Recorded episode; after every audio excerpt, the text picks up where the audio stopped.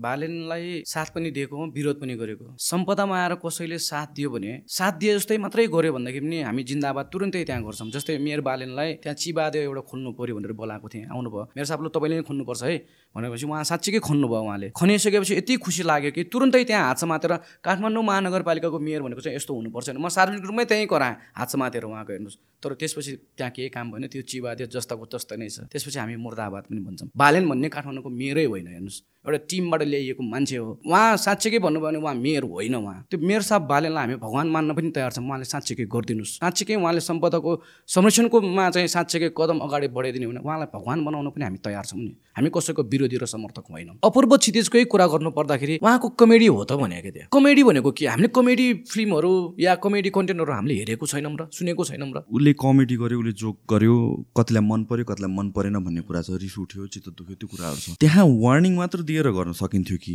यो लेभलसम्म किन त महिनौ यहाँ वर्षै भइसक्यो। यहाँसम्म कसरी पुग्यो यो कुरा? यहाँसम्म ल्याउन जरुरी थियो। इन्टेन्सन चाहिँ गलत थिएन तर उहाँले गर्नुभएको काम गलत थियो नि त। त्यसकारण उहाँलाई थोरै मात्रै सजाय दिएर चाहिँ अब चाहिँ नेवार सभ्यतामा कसैले प्रहार नगरियोस्। बरु अपूर्व क्षितिजले मूर्ति चोरीको विषयमा बोलिदिएको भए कति रमाइलो हुन्थ्यो नि। हिजी संरक्षणको विषयमा बोलिदिएको भए कति रमाइलो हुन्थ्यो नि। देश बन्थ्यो नि। उहाँलाई त्यस्तरी सजाय चाहिँ हामीले दिने हाम्रो पनि उद्देश्य होइन। हामी मिल्ने नै हो। अपूर्व क्षितिजहरू बरु अहिले यो पोडकास्टबाट भन्छु आउनुहोस् अपूर्व क्षितिज तपाईँहरू म बसेर नेवार सभ्यतामा मूर्ति बचाउँ तपाईँ कमेडीकै माध्यमबाट हिटी बचाउनु पर्छ भन्ने सन्देश दिनुहोस् न बरु।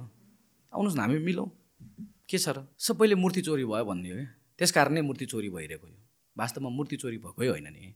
भगवान् चोरी भएको भने हाम्रो आस्था चोरी भएको हाम्रो भरोसा चोरी भएको हाम्रो प्रार्थना बिहान उठ्ने बित्तिकै हामी जुन प्रार्थना गर्छौँ त्यो चोरी भएको। त्यो राज्यले बुझेकै छैन जस्तो लाग्छ भने। त्रिभुवन अन्तर्राष्ट्रिय विमानस्थलमा चाहिँ अचारको सिसी गाउँबाट पठाउनु भएको आमाले पठाउनु भएको अचारको सिसी समाएको सुनिन्छ। तर भगवान्को मूर्ति चोरी हुँदाखेरि समाउँदैन लन्डन अमेरिका पुगिसकेको हुन्छ। मान्छे जन्मिनु छोडिसक्यो भनेर छु यहाँ मैले। स्वस्थ नभएर चिरेर निकालिन्छ यहाँ। आजकल त काठमाडौँमा यो दुई हजार अस्सी सालको हाराहारीमा आइपुग्दाखेरि बच्चा जन्माउनलाई पनि जात देखाउँछ त्यो चिनो।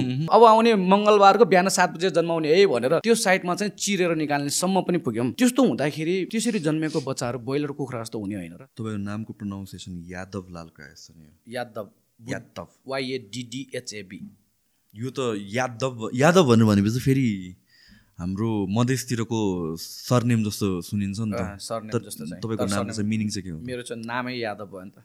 मिनिङ चाहिँ के हो? मिनिङ मैले बालाई सोद्धाखेरि अब यादव भनेको यदुवंशी अब अलिकति कालो मा वर्णको मान्छेहरू टाइपको कुरा गर्नुभएको थियो त्यतिखेर। ए सो तपाईँको अनि फेरि मेरो दाईको नाम उद्धव उद्धवसँग मिलाउनलाई पनि बाले नाम हामीहरूको नेपालीहरूको प्रायः नाम सबैजनाको दुईजना छोरा भएपछि हुन्छ नि त त्यो। नुरज सुरज राहा भने जस्तै। राइट सो जिम जानु मन छ तर के मिल्दैन के मिल्दैन? कहिले चाहिँ टाइम मिल्दैन कहिले भनेको मलाई थाहा नै छैन त्यहाँ गएर के गर्ने। एन्ड युजली के हुने रहेछ भने भनेपछि जे पनि कुरा स्टार्ट गर्ने बेलामा चाहिँ हामीले यो सानो सानो सानो सानो कुराहरू जुन प्रब्लमहरू छ त्यसले गर्दा हामी पछि पछि पछि भनेर सुरु गरेर आउँछौँ। Start today. हप्ताको छ दिन जानु सकिँदैन हप्ताको दुई दिन जानु हप्ताको तिन दिन जानु दुई घन्टा वर्कआउट गर्नु सक्दैन आधा घन्टा वर्कआउट गर्नु। तर स्टार्ट गर्ने भनेको चाहिँ आज हो। थोरैबाट स्टार्ट गर्ने हो र बिस्तारै बिस्तारै बिस्तारै बिल्ड गर्दै लग्ने हो। Remember Rome wasn't built in a day neither will your body be built in a day so त्यो कारणले गरेर चाहिँ तपाईँ टाइम लिनुहोस्। थोरैबाट सुरु गर्नुहोस्। And for that the physique workshop छ। द फिजिक वर्कसप चारवटा लोकेसनमा महाराजगञ्ज मैदेवी बानेश्वर र कुमारीपाटी यहाँ नम्बरहरू छ। अहिले टु डेज फ्री ट्रायल दिइरहेको छौँ where you can walk into the gym त्यहाँ गएर एक्सर्साइज गरेर हेर्नुहोस्। ट्रेनरहरूसँग कन्सल्टेसन गर्नु फर फ्री एन्ड तपाईँलाई जोइन गर्न मन नलाग्यो भने जोइन नगर्नुहोस्। तर if you like it if you want to join अहिले डिस्काउन्ट्सहरू पनि छ। तपाईँले जिममा फोन गरेर पनि बुझ्न सक्नुहुन्छ। एन्ड द फिजिक वर्कसपमा के छ भनेपछि यो चारवटै लोकेसनमा तपाईँ जुन लोकेसनमा जाँदाखेरि पनि भयो एउटा ब्रान्चमा तपाईँले मेम्बरसिप लिनुभएको छ भने अरू ब्रान्चमा गएर वर्कआउट गर्दाखेरि पनि हुन्छ र त्यहाँ ट्रेनर्सहरू तपाईँहरूलाई गाइड गर्नको लागि हुन्छ जसले चाहिँ तपाईँलाई customize workout plan customize diet plan तपाईँको टाइम अनुसारले तपाईँको एक्सपिरियन्स अनुसारले र तपाईँको गोल अनुसारले चाहिँ तपाईँलाई बनाइदिनुहुन्छ। र त्यो कारणले गरेर चाहिँ तपाईँलाई हुने काइन्ड अफ एउटा प्लान रेडी हुन्छ किनभने सबैजनाको लागि सेम डायट हुँदैन। कसैको वेट डिफ्रेन्ट होला हाइट डिफ्रेन्ट होला एज डिफ्रेन्ट होला गोल डिफ्रेन्ट होला खान मन लाग्ने मन नलाग्ने कुराहरू डिफ्रेन्ट होला तपाईँको बडी वेट डिफ्रेन्ट होला। सो सबैलाई एउटै डायट एउटै वर्कआउटले हुँदैन। Customize workout and diet plan only at the physique workshop locations at four branches Maharajgunj Maidevi Baneshwor Kumaripati let's get fit तपाईँको बारेमा थोरै भनिदिनुहोस् न। तपाईँ यो सुरु भइसक्यो सुरु भइसक्यो हामी। हामीहरू कल्चर हेरिटेजको कुराहरू गर्दाखेरि चाहिँ तपाईँको नाम चाहिँ एकदम अगाडि आउँछ। भोइस एउटा उठाइरहनु भएको छ पहिलादेखि नै। तपाईँले के गरिरहनु भएको छ? एकचोटि बेसिकली चाहिँ एउटा समरीमा भनिदिनु समरीमा भन्दा पनि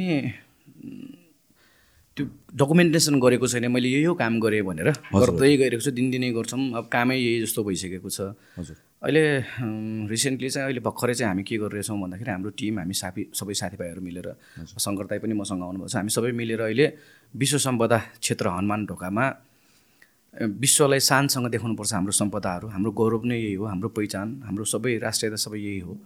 यसलाई शानसँग देखाउनुपर्छ भनेर हनुमान ढोकामा रहेको प्रहरीको एउटा भवन छ त्यहाँनिर। अहिले काठमाडौँमा चाहिँ जनताको घरहरू विकासको नाममा सडक विस्तारको नाममा जनतालाई बिचल्ली गरेर भत्काइन्छ। तर दुई हजार बहत्तर सालको भूकम्पले क्षतिग्रस्त भएको मानव नै बस्न लायकको नभएको रेजिस्टिकर लगाइसकेको र विश्व सम्पदालाई कुरूपता प्रदान गरिरहेको एउटा भवन चाहिँ तुरुन्तै भत्काउनु पऱ्यो त्यसलाई सफा गरेर विश्वलाई चाहिँ विश्व सम्पदा शानसँग देखाउनु पऱ्यो भनेर लागिरहेका छौँ। त्यसका साथसाथै भगवान्का मूर्तिहरू चोरी हुन्छन्। नेपालमा खासै कसैले त्यति ध्यान दिएको पाइँदैन। बोल्न त बोलिरहेको पाइरहेको छ तै पनि चोरी रोकिएको छैन। र यो चोरी भइरहेकै सन्दर्भमा हामीले पनि प्रहरी चौकीबाट सुन्दाखेरि पनि अलि अनौठै लाग्छ प्रहरी चौकीबाट दुई सयवटा जतिको हाराहारीमा भगवान्का मूर्तिहरू फिर्ता ल्याएर संरक्षण गर्नुपर्छ। यसलाई संरक्षण गर्नु पऱ्यो भनेर सम्बन्धित निकाय जुन कि यही संरक्षण गर्छु भनेर अपार सुविधा लिएर खडा गरिएको निकाय पुरातत्व विभाग त्यहाँ संरक्षण गर्न लैजाँदाखेरि अचम्म एकदम दुर्भाग्य तरिकाले त्यहाँ चाहिँ झन् हजारौँवटा चाहिँ बेवारिसी अवस्थामा लावारिस अवस्थामा एकदम हिपिएको तरिकामा राखिएको फेला पऱ्यौँ। अनि साह्रै दुःख लाग्यो र नेपालको संविधान नेपालको कानुनले चाहिँ ती भगवान्का मूर्तिहरूलाई यथास्थानमै राख्नुपर्छ भनेर कडा तरिकाले नियम बनाइएको छ तर कार्यान्वयन चाहिँ भएको छैन त्यसकारण पहिला चाहिँ ती भगवान्का मूर्तिहरूलाई यथास्थानमै राख्नु पर्यो र सम्भव नभएको भगवान्का मूर्तिहरूलाई त्यसरी एउटा भण्डारमा फालेर राख्नु हुँदैन। त्यो पनि रिकभर भएर ल्याएको मूर्तिहरू चोरी भएको मूर्तिहरू रिकभर भएर ल्याएर राखेको एउटा ठाउँमा थन्काएर त्यो पनि भन्न सकिँदैन हेर्नुहोस् चोरी भएर ल्याएको कि कहाँबाट चाहिँ चोर्नलाई लगेको कि अब कहाँबाट आएको त्यो कुनै जवाब प्रहरीसँग पनि पाएन भने हामीले कहिले ल्याउनु भएको अब के गर्ने कतिवटा छ के के छ कुन कालको छ भन्ने पनि प्रहरीसँग पनि जवाब छैन। हामीले जो जोसँग सोध्यौँ उहाँहरूले जवाफै दिन सक्नु भएन। अनि ती भगवान्का मूर्तिहरूलाई यथास्थानमा राख्न नसकेकोलाई अहिले हामीले के भन्यौँ भने नेपालमा काठमाडौँमा चाहिँ विभिन्न किसिमको विकास भनेर टावरहरू निर्माण गर्छन् अरबौँ खर्चहरू गर्छन् कहाँ कहाँ के के के के बनाउँछन् विदेशी शैलीको निर्माण गर्छन्। हाम्रो जस्तो नेपाल जस्तो प्राकृतिक सम्पदा र सांस्कृतिक सम्पदाले परिपूर्ण देशमा चाहिँ एउटा नयाँ तीर्थस्थल निर्माण गर्न सकिन्छ नि एउटा नयाँ सम्पदा स्थल एउटा जीवन पद्धति बसाल्नको लागि चाहिँ ती भगवान्का मूर्तिहरूलाई चाहिँ दस रोपनी जग्गाभित्र प्रतिस्थापन गर्न पाए राम्रो समाज निर्माण गर्न सकिन्छ एउटा अझै सभ्य समाज निर्माण गर्न सकिन्छ भनेर दस रोपनी जग्गा पनि को खोजीमा र त्यसलाई कार्यान्वयन गराउनेतिर चाहिँ हामी लागिरहेछौँ अहिले so before we dive into यो किन के भइरहेको छ र यसको लागि के गर्नुपर्छ पहिला सुरु यो सबै हामीहरूले प्रिजर्भ गर्न या जोगाउनको लागि ल मूर्ति नै भनौँ या भन्छ हाम्रो डिफ्रेन्ट स्ट्रक्चरहरू छ। त्यो किन जरुरी छ? त्यसको हिस्ट्री के हो? किनभने जहाँसम्म लाग्छ बिस्तारै यो जेनेरेसन ग्याप हुँदै जाँदाखेरि यो इन्फर्मेसन पास डाउन हुँदैन। इन्फर्मेसन पास डाउन नभएपछि त आफ्नो हो जस्तो फिल हुँदैन नि त। र यो कुराहरू झन् बढ्दै जाने भयो। यसको हिस्ट्री भन्नु पऱ्यो भने हामीहरूको सिभिलाइजेसनको हाम्रो जुन आर्किटेक्चरहरूको छ हिस्ट्रीहरू भन्नु पऱ्यो भने कहाँबाट सुरु हुन्छ यो? होइन हिस्ट्री भन्दा पनि अझ यसको वास्तवमा यो के हो त पहिला त्यतातिर जानुपर्छ। मैले भने नि तपाईँलाई अफियरमा पनि मैले भने मानव सभ्यताको विकास क्रममा विभिन्न किसिमको विकासहरू हुँदै आयो नि त। त्यो क्रममा पनि हामी नेपालीहरू कति अगाडि चाहिँ कति विकसित थियो भनेर देखाउने संरचनाहरू हुन् भने तिनीहरू। जस्तै सुरुमा मान्छेहरू त अब दसौँ हजार वर्ष अगाडि मान्छेको विकसित हुँदै आयो। दस हजार वर्षको हाराहारीमा मान्छेहरू एक ठाउँबाट अर्को ठाउँमा नजाने पहिला चाहिँ खानाको खोज तलासमा आफ्नो जीवन बचाउन हरेक कामले गर्दाखेरि स्थानान्तरण भइरहन्थ्यो नि त। अनि पछि दस हजार वर्ष अगाडिदेखि चाहिँ मेरो यो डाटाहरू अलिक तलमाथि हुनसक्छ है। ठ्याक्कै चाहिँ मैले भन्न सकेको छैन। तर मुख्य विषयवस्तु चाहिँ म उजागर गर्न सक्छु। अनि दसौँ हजार वर्ष अगाडि मान्छे एक ठाउँबाट अर्को ठाउँमा नजाने अब एकै ठाउँमा बसेर चाहिँ हाम्रो जीवनयापन गर्ने भनेर जुन पद्धति बसाल्दै गयो अनि त्यसपछि त पहिला आफू बच्ने आफ्नो परिवार बचाउने अब समाजको लागि के गर्ने त भन्ने कुराहरू पनि त निस्क्यो नि। त्यसपछि हजारौँ वर्ष अगाडि नै हामी नेपालीको पुर्खाले नेपाली समाजले चाहिँ समाज कल्याणको लागि चाहिँ सम्पदाहरू निर्माण गरेको हजारौँ वर्ष अगाडि। यो ठ्याक्कै कहिलेदेखि भन्ने यसको अभिलेख पनि हामीसँग छैन यो पनि दुर्भाग्य छ। सबै सिधाइसकेको अवस्था छ। तर हामीसँग भएको अहिलेको सम्पदाहरू हामीले अध्ययन अनुसन्धान गरेको पुरातत्वविदहरूसँग हामीले गरेको छलफलको आधारमा हजारौँ वर्ष अगाडिको हामीसँग ती सम्पदाहरू बाँकी नै छन्। भन्नाले हामी नेपालीहरू मानव सभ्यताको विकास क्रममा हजारौँ वर्ष अगाडि नै त्यति विकसित भइसकेको थियौँ। जबकि अमेरिका जस्तो देश नै भर्खरै तिन सय वर्षको हाराहारीमा पत्ता लाग्यो कोलम्बसले भन्ने हामी सुन्नमा आउँछौँ। तर हामीसँग चाहिँ हामी नेपालीसँग हजारौँ वर्ष अगाडि नै मानव सभ्यताको लागि मानव सभ्यताको विकास क्रममा मानव कल्याणको लागि त्यस्तो असाधारण सम्पदा र उत्कृष्ट सभ्यता चाहिँ निर्माण गरिसकेको हो। र त्यही क्रममा मैले भने नि आफ्नो राष्ट्रभित्र जे सामग्री उपलब्ध छ त्यो सामग्रीलाई प्रयोग गरेर आफ्नो राष्ट्रकै मौलिक शैलीमा संसारको कुनै अरू राष्ट्रमा नभएको संरचनालाई सम्पदा भनिन्छ हेर्नुहोस् है? र त्यो मानव कल्याणको लागि हुन्छ। मैले फेरि पनि दोहोऱ्याएँ आफ्नो राष्ट्रभित्र जुन मौलिक सामग्री छ त्यही मौलिक सा सामग्री मात्रै प्रयोग गरेको विदेशबाट ल्याएको कुनै पनि सामग्री प्रयोग नगरिएको र आफ्नो शैलीमा अरू देशमा हुने बित्तिकै त्यो सम्पदा हुनै सक्दैन। एकदमै युनिक हुनुपर्छ। आफ्नै देशमा मात्रै भएको। मौलिक सामग्री प्रयोग गरेको मौलिक शैलीमा प्रयोग गरिएको निर्माण गरिएको सयौँ वर्ष हजारौँ वर्ष अगाडि नै। अझ नेपालको कानुनले सय वर्ष भनिएको छ पुरातत्व विभागले। ती संरचनाहरूलाई सम्पदा भनिन्छ हेर्नुहोस्। र त्यो चाहिँ मानव कल्याणको लागि प्रयोग गरिएको हुन्छ। सो जुन तपाईँले एउटा ठ्याक्क एउटा की वर्ड युज गर्नुभएको छ। यो जुन हिस्ट्रीहरू लेखिएको थियो जुन यसको बारेमा लेखिएको डकुमेन्टेसन हराइएको भनेर भन्नुभयो नि त। हराएको कि हराइएको? हराइदिएको कि हराएको जान जाने हो? पक्कै हराइदिएको हो नि। त्यो त संरक्षण गर्नु पर्थ्यो। त्यो संरक्षण गर्ने यो राज्यले कहिले पनि सिकाउँदै सिकाएन भने। सम्पदा किन संरक्षण गर्नुपर्छ? सम्पदा भनेको के हो? सम्पदा संरक्षण गरेन भने के हुन्छ? यो कहिले पनि सिकाएन। यो अझ हामीले यो आफ्नो जुन स्तरबाट हामी काम गर्छौँ त्यसको अनुभवमा भन्नुपर्दाखेरि साँच्चीकै भर्खरै हजुरले भन्नुभयो जस्तो यो हराएको भन्दा पनि हराउन लगाएको हो। कि संरक्षणको कामै त्यहाँ गरेन जुन गर्नु पर्थ्यो त्यो गर्दै गरेन। मान्छेको मुटुमा रोग लागिरहेको छ त्यसलाई व्यवस्था गरेर नङ पालिस गरेर प्रचार कमाइरहेको अवस्था छ। त्यसकारण यो पक्कै पनि हराएको भन्दा पनि हराउन लगाएकै हो नियोजित रूपमा। हामी जानी नजानी अरूहरूको प्रभावमा विदेशीको पश्चिमाहरूकोमा चाहिँ हामी प्रभावमा पर्दै गयो र त्यही विकासको नाममा चाहिँ त्यसलाई मात्रै लाद्न खो खोज्यौँ हामीले। मोडर्नाइजेसनको नाममा वेस्टर्नाइजेसन ल्याएर त्यसलाई विकास मात्रै भन्न थाल्यौँ। वास्तवमा विकास हामीसँग पहिल्यै थियो। त्यसकारण अहिले चाहिँ हामीले अहिलेको सन्दर्भमा विकासको परिभाषा थोरै परिमार्जन गर्नुपर्छ भनेर भनिरहेका छौँ। यो हराइदिनुको पछाडि हिस्ट्री मिटाउनुको पछाडि किनभने यो मैले थुप्रैजना एकाडेमिकहरूसँग पनि सुनेको छु हिस्ट्री मिटाइँदैछ मिटाउन खोजिरहेको छ। त्यसको पछाडि जस्तो कि यो हेरिटेजको कुरा आउँदाखेरि त्यसको पछाडि रिजन या इन्टेन्सन के होला? मैले मैले भर्खरै भने नि वेस्टर्नाइजेसन खालि पश्चिममा मात्रै ल्याएर उहाँहरूको चाहिँ यहाँ लाद्ने हाम्रो सिद्ध्याउने यता पूर्वीय दर्शन सिद्ध्याउने हाम्रो आफ्नो नेपालको मौलिकता के छ राष्ट्रियता के छ त्यो सिद्ध्याउने अनि विदेशीको मात्रै यहाँ लाद्ने। उहाँहरूको इन्टेन्सन त आफूलाई आफ्नो वर्चस्व कायम गर्नु हो नि त। हाम्रो चाहिँ यहाँ वास्तवमा जे छ त्यो सिधाइदिने हाम्रो त उत्कृष्ट छ नि त। हाम्रो त स्वास्थ्यसँग जोडिन्छ। विश्वमा जति पनि वादहरू आउँछन् नि जति पनि सिद्धान्तहरू आउँछ जति पनि हामी काम गर्छौँ त्यो चाहिँ मानव स्वास्थ्यसँग जोडिएको हुनुपर्छ भनिरहेका छौँ र हाम्रो सभ्यताको यो जति पनि अहिले सिद्धिरहेको छ जति पनि चोरिएको छ सिद्ध चोर्न लगाइरहेका जति पनि छ नि त्यो हाम्रो स्वास्थ्यसँग पनि जोडिएको विषय। हेर्नुहोस्। कसरी? स्वास्थ्यसँग चाहिँ कसरी? सम्पदा एकदम स्वास्थ्यसँग जोडिन्छ नि जस्तै मैले हिटीको कुरा गरिरहन्छु नि। हिटी अहिले एकदमै दुर्भाग्य तरिकाले हिटीको भाषण चाहिँ सबैले दिन्छन्। हिटीको गुणगान गाइरहेको छ अहिले। हिटीलाई ढुङ्गेधारासम्म भन्यो। ढुङ्गेधारा भन्दा भन्दा अझ अङ्ग्रेजीमा वाटर स्पटसम्म पनि भन्न थाल्यो। हेर्नुहोस् है मैले चाहिँ नामलाई ट्रान्सलेट गर्न पाइँदैन भनिरहेको थिएँ। त्यहीँबाट सिध्याउँदै लग्यो सुरु सुरुमा। हिटी हिटी भनेको एकदम सन्देशपूर्ण छ अर्थपूर्ण छ यसमा। नेपाल भाषाबाट हि भनेको रगत टी भनेको तरल पदार्थ। रगत जति नै महत्त्वपूर्ण तरल पदार्थ बग्ने भएकोले त्यसलाई हिटी भनिएको हो। तर राज्यले त्यसलाई ढुङ्गाको संरचना मात्रै देखे ढुङ्गे धारा भनिदियो क्या। अनि गौण तरिकाबाट लियो। त्यसलाई संरक्षण गर्नतिर कहिले पनि तदारकता देखाउँदै देखाएन। हिटी स्वास्थ्यसँग जोडिएको हुन्छ भर्खरै भन्छ क्या रगत जति नै महत्त्वपूर्ण। त्यसमा त्यो जुन बग्ने पानी छ नि त्यो प्राकृतिक रूपमा निर्माण गरिएको हो नि त त्यो जुन ल्याउने सिस्टमहरू हाम्रो वाटर टेक्नोलोजी जुन ल्याउने त्यो प्रविधि छ त्यो विश्वकै अनौठो प्रविधिहरूमध्ये पर्छ। जमिन मुनिबाटै प्रकृति मैत्री त्यसमा कृत्रिम हाम्रो मानव शरीरलाई असर पर्ने कुनै पनि सामग्रीहरू मिसावट गरिएको हुँदैन। प्रकृति मैत्री हुन्छ त्यो हिटीको पानी हेर्नुहोस् है। अनि त्यो हिटीको पानी स्वच्छ भइसकेपछि त सबैभन्दा पहिला मान्छे स्वस्थ हुनलाई स्वच्छ पानी पिउन पाउनु पऱ्यो नि। अझ मैले यसमा त अझ काठमाडौँ उपत्यकाको सन्दर्भमा अलिकति हाँस्यास्पद पनि लाग्न सक्छ मान्छेहरूलाई। मान्छे जन्मिन छोडिसक्यो भनेर छु यहाँ मैले। स्वस्थ नभएर चिरेर निकालिन्छ यहाँ। अर्को स्वस्थ स्वस्थै भए पनि गर्भवती महिला स्वस्थै भए पनि सम्पदा संरक्षण नभएको कारणले गर्दाखेरि चाहिँ हस्पिटलमा लैजाँदाखेरि चिरेर निकालिन्छ। आवश्यक भए पनि अनावश्यक भए पनि। त्यसकारण सम्पदा मैले थोरै मात्रै भने अहिले अझ यसमा डिटेलमा हामी जान सक्छौँ। तर सम्पदा स्वास्थ्यसँग पनि जोडिएको हुन्छ हेर्नुहोस्। शिक्षासँग पनि जोडिएको हुन्छ। यो आर्थिक समृद्धिसँग एकदम नजिकबाट जोडिएको हुन्छ। यहाँ नेताजीहरूले आर्थिक समृद्धिको जुन भन्छन् नि आर्थिक समृद्धि नेपालमा कसरी ल्याउने? प्राकृतिक सम्पदा र सांस्कृतिक सम्पदाले भरिपूर्ण देशमा त हामीले पर्यटनलाई मुख्य आधार मान्नुपर्ने हुन्छ नि।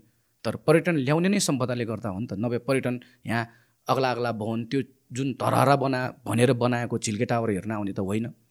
त्यहाँ त्यो जुन झिल्के टावर निर्माण गरिएको छ त्यसको तल सुनको हिटी छ त्यहाँ। त्यसलाई सुन्धारा भनिन्छ। त्यो ओजेलमा पारेको छ। त्यसलाई व्यवस्था गरिएको छ। त्यसलाई नजरअन्दाज गरिएको छ। त्यो पुनर्निर्माण गर्न यो राज्यले अहिलेसम्म तदारकता देखाएकै छैन। हेर्नुहोस् त्यसकारण यो स्वास्थ्यसँग पनि जोडेको शिक्षा विभिन्न विधाहरूसँग जोडिएको सम्पदा यो अपार यसको यसको व्याख्या गर्दै गयो भने यसको विशाल हुन्छ। तर यो चिज यहाँ एकदम सङ्कुचित रूपमा लिएको पाइएको छ। सो यो जुन अघि ठ्याक्क यो अपरेसन बच्चा जन्माउने कुरा गर्नुभयो त्यो त अब टेक्नोलोजी मुभ हुँदै गयो त्यो सजिलो हुनको लागि हो कि? कि त्यो पर्सपेक्टिभबाट हो कि गाह्रो नहोस् अप्ठ्यारो नहोस् भनेर अपरेसन गर्दाखेरि सजिलो हुन्छ भने त्यो हिसाबले गरेको हो कि कि हेल्थकै त्यसमा पनि रिजन हुनसक्छ? एकदम एकदम सजिलै तरिकाले सजिलो मात्रै खोज्दाखेरि त हामीले दुःख पाइरहेछौँ नि। सजिलो एकदम सजिलो। साथै त्यो त्यो गर्भवती महिलाले जुन प्रसव पीडा हुन्छ नि त्यो जुन सङ्घर्ष गर्नुपर्ने हुन्छ त्यो सङ्घर्षै गर्नु नपर्ने भएको छ क्या अहिले। अनि त्यसबाट हुने के के त अब? त्यतातिर ध्यान दिनुपर्छ। अझ मैले सुन्नमा आएको यसको ठ्याक्कै मैले त्यो चाहिँ पाएको छैन। आजकल त काठमाडौँमा यो दुई हजार अस्सी सालको हाराहारीमा आइपुग्दाखेरि म काठमाडौँको मात्रै कुरा गर्छु किनकि काठमाडौँभन्दा बाहिर म त्यति जानु पाएको छैन। म यहाँको कुवाको फ्याक्ट्री हुँ हेर्नुहोस् है।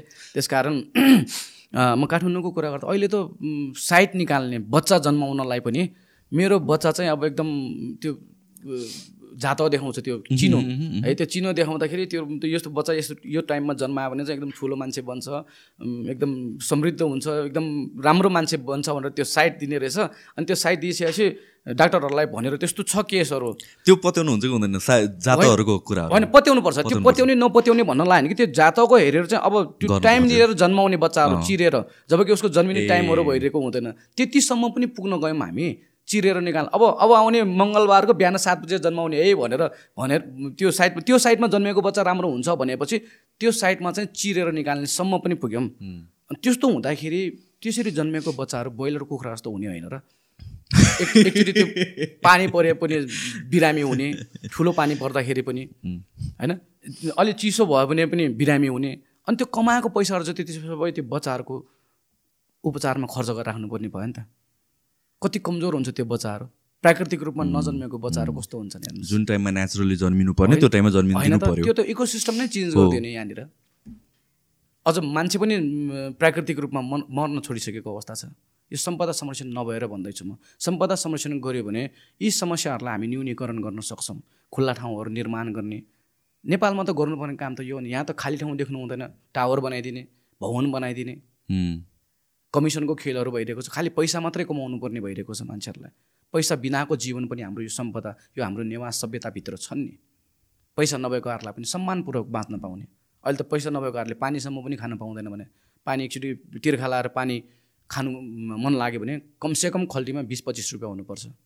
त्यो छैन भने पानीसम्म पनि खानु पाउँदैन। तर त्यो हाम्रा हिटीहरू त चौबिसै घन्टा कल कल पानी बगिरहन्थ्यो। जसले खाए पनि हुन्छ। मानव स्वास्थ्यको लागि अनुकूल पानीहरू तिनीहरू त्यो सबै सिद्ध्याइदियो नि। सो यो हिटीहरू सुक्नको कारण चाहिँ के हो? कसरी सुक्यो? नेचुरली नै सुक्दै गएको हो कि? कि के अरू स्पेसिफिक रिजन छ होला यसको लागि चाहिँ? एकदम। अघि अघि नै भने जस्तो एउटा चाहिँ इतिहासै सकाउने चाहिँ नियोजित रूपमै आएको पनि भयो। त्यसकारण यसको महत्त्व दर्शाउनै खोजेन। अर्को चाहिँ यो राज्यले जुन बेलामा हिटीहरू निर्माण गरेर जहिलेसम्म पानी खान पाइरहेछ कन्टिन्यू पानी खाइरह्यो।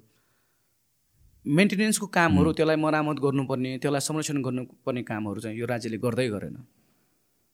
त्यस कारणले गर्दाखेरि पनि हिटीहरू सिद्धियो। कति चाहिँ अब जानी जानी पनि सिद्ध्याएको छ। अब काठमाडौँमा जग्गाको भाउ बढ्यो। खाली ठाउँहरू देख्ने बित्तिकै त्यसलाई चाहिँ अतिक्रमण गर्ने त्यो हिटी भएको ठाउँलाई पुर्दिने सिद्ध्याइदिने अनि जग्गाहरू मान्छेले आफ्नो नाममा पार्ने त्यो कारणले गर्दा विभिन्न कारणहरूले गर्दाखेरि चाहिँ हिटीहरू सिध्यायो दुर्भाग्यपूर्ण छ एकदम। अनि हामी जस्तो मान्छेहरू जुन यो पुरिसकेको हिटीहरू संरक्षण गर्नुपर्छ भनेर जाँदाखेरि यही समाजले हामीलाई त्यो पानी नआउने हिटी संरक्षण गरेर तिमीहरूलाई के काम भन्छन्? त्यही मान्छेहरू फेरि त्यो पैसा तिरिरहेको हुन्छ त्यो खानेपानी संस्थानमा। जसले पानी दिएको हुँदैन त्यसलाई सहितको महसुल तिरिरहेको हुन्छ फेरि हेर्नुहोस्।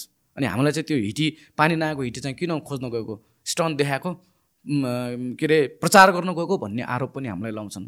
त्यो पानी नै नआए पनि त्यो हिटी संरक्षण गरेर पानी नै नआए पनि संरक्षण गरेर संसारभर साँच्चीकै शानसँग देखाउन सकिन्छ।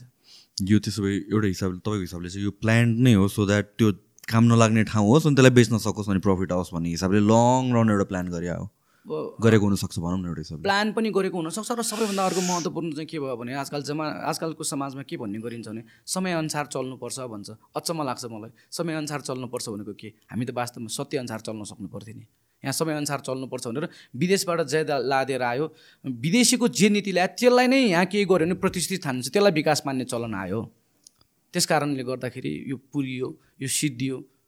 कमसेकम अब चाहिँ नगरौँ न अब हामी बुझाउँदै जाउँ भनेर हजुरहरू सबैको साथ सहयोगबाट चाहिँ यसलाई लैजान सकिन्छ हामी बचाउन सकिन्छ भन्ने आशमा हामी आइरहेका छौँ। सो यो हेरिटेजहरू कल्चर हामीले प्रिजर्भ गर्ने भनेर एउटा त एकदमै एजेन्डा नै बोकेको हुनु भनेको त हाम्रो मेयर हो वान पोइन्टमा। तपाईँले पनि एकदमै साथ दिनुभएको थियो। मेयर भन्नाले धेरैजना मेयर छन् कुन चाहिँ मेयर? बालेन। महानगरपालिका। महानगरपालिकाको। हजुर। त्यतिखेर तपाईँले पनि एकदमै साथ दिनुभएको हो। हजुर। त्यसको रिजल्ट चाहिँ के हुँदैछ? किनभने हामीले त्यसको बारेमा चाहिँ सुनेको छैन। एक्चुअलीमा हेरिटेजको पर्सपेक्टिभमा चाहिँ काम चाहिँ के भइरहेको छ या केही प्लान छ कि केही कुरा भएको छ कि त्यसपछि? आजसम्मको हेर्दाखेरि दुर्भाग्यपूर्ण देखिएको छ हेर्नुहोस्। बालेनलाई साथ पनि दिएको हो विरोध पनि गरेको हो। मेरो व्यक्तिगत रूपमा मेरो बानी बेहोरा या मेरो प्रवृत्ति कस्तो खालको छ भन्दाखेरि सम्पदामा आएर कसैले साथ दियो भने साथ दिए जस्तै मात्रै गऱ्यो भन्दाखेरि पनि हामी जिन्दाबाद तुरन्तै त्यहाँ गर्छौँ। जस्तै मेयर बालेनलाई अँ, विद्या सुन्दर साके मेयर साहबको आँगनमा उहाँ आउनुभयो हामीले नै बोलाउँदाखेरि म आफैले बोलाउँदाखेरि आउनुभयो। त्यहाँ चिबादेव एउटा खोल्नु पऱ्यो भनेर बोलाएको थिएँ आउनुभयो। उहाँ आफैले मैले भनिसकेपछि उहाँ आफै खन्नतिर लाग्नुभयो। मेरो साहबले तपाईँले नै खन्नुपर्छ है भनेपछि उहाँ साँच्चीकै खन्नुभयो उहाँले। खनिसकेपछि यति खुसी लाग्यो कि तुरन्तै त्यहाँ हात समातेर काठमाडौँ महानगरपालिकाको मेयर भनेको चाहिँ यस्तो हुनुपर्छ म सार्वजनिक रूपमै त्यहीँ कराएँ हात समातेर उहाँको हेर्नुहोस्। तर त्यसपछि त्यहाँ केही काम भएन त्यो चिबादियो जस्ताको जस्तै नै छ। त्यसपछि हामी मुर्दाबाद पनि भन्छौँ। त्यस कारण यो देखावटी पनि भयो। उहाँहरूलाई चुनावी एजेन्डा बढी चाहेको रहेछ हेर्नुहोस्। आजकल सामाजिक सञ्जालमा उहाँको विरुद्धमा पनि मान्छेहरू बोल्न डराउँछन्। किनभने त्यो बोल्ने बित्तिकै प्रहार गर्ने खालको यो जुन किसिमको साइबर टिमहरू हुन्छ नि तिनीहरूले प्रहार गर्दाखेरि तर साँच्चीकै फ्याक्टमा हेर्दाखेरि चाहिँ उहाँहरूले अहिले फेक गेम खेलिराख्नु भएको छ है। तर अर्को कुरा चाहिँ कसरी लिनुपर्छ भने योभन्दा अगाडिकोहरूले चाहिँ झन् गरेकै थिएन। होइन त्यसकारण बोल्न गाह्रो छ। त्यसकारण पनि एक एकैचोटि चाहिँ मूल्याङ्कन गर्न गाह्रो भएको चाहिँ वास्तवमा यहाँनिर हो क्या। योभन्दा अगाडिकोले चाहिँ खासै त्यति गर्दै गरेन। अहिलेकोले गरेको जस्तो देख्यो। वास्तवमा गरेको छैन। उहाँहरूलाई पनि एजेन्डा मात्रै चाहेको रहेछ। उहाँहरूसँग यो मर्म छैन। मैले त साँच्चीकै भन्नु पर्दाखेरि भन्दा मेयर बालेन भन्ने बालेन भन्ने काठमाडौँको मेयरै होइन हेर्नुहोस्। एउटा टिमबाट ल्याइएको मान्छे हो। होइन? उहाँ साँच्चीकै भन्नुभयो भने उहाँ मेयर होइन उहाँ। उहाँको टिमहरूकोबाट ल्याइयो। तर उहाँले अहिले जुन जति पनि काम गरिरहेको छ यो कसैको कपी गर्ने जुन काम पनि उहाँहरूको भनेर भनिदिने अनि पछि गएर पत्रकारलाई दोष दिने। तर सम्पदाको साँच्चीकै हेर्न जाँदाखेरि त त्यो सम् सम्पदा अहिले हेर्न जानुहोस् एकदमै दुर्भाग्य अवस्थामा छ। हामी त्यो चाहन्नौँ।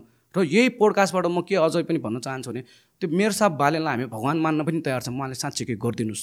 कसैलाई खेलवाड नगरिदिनुहोस्। हामी जस्तो अभियानकर्ताहरू पनि छौँ यहाँ। साँच्चीकै स्व- स्वस्थ स्वच्छ तरिकाबाट आएकाहरू हामी छौँ नि। त्यो हाम्रो अध्ययन अनुसन्धान गर्नुहोस् न हामी कस्तो हौँ भनेर। होइन? विभिन्न किसिमको विकृति पनि होला।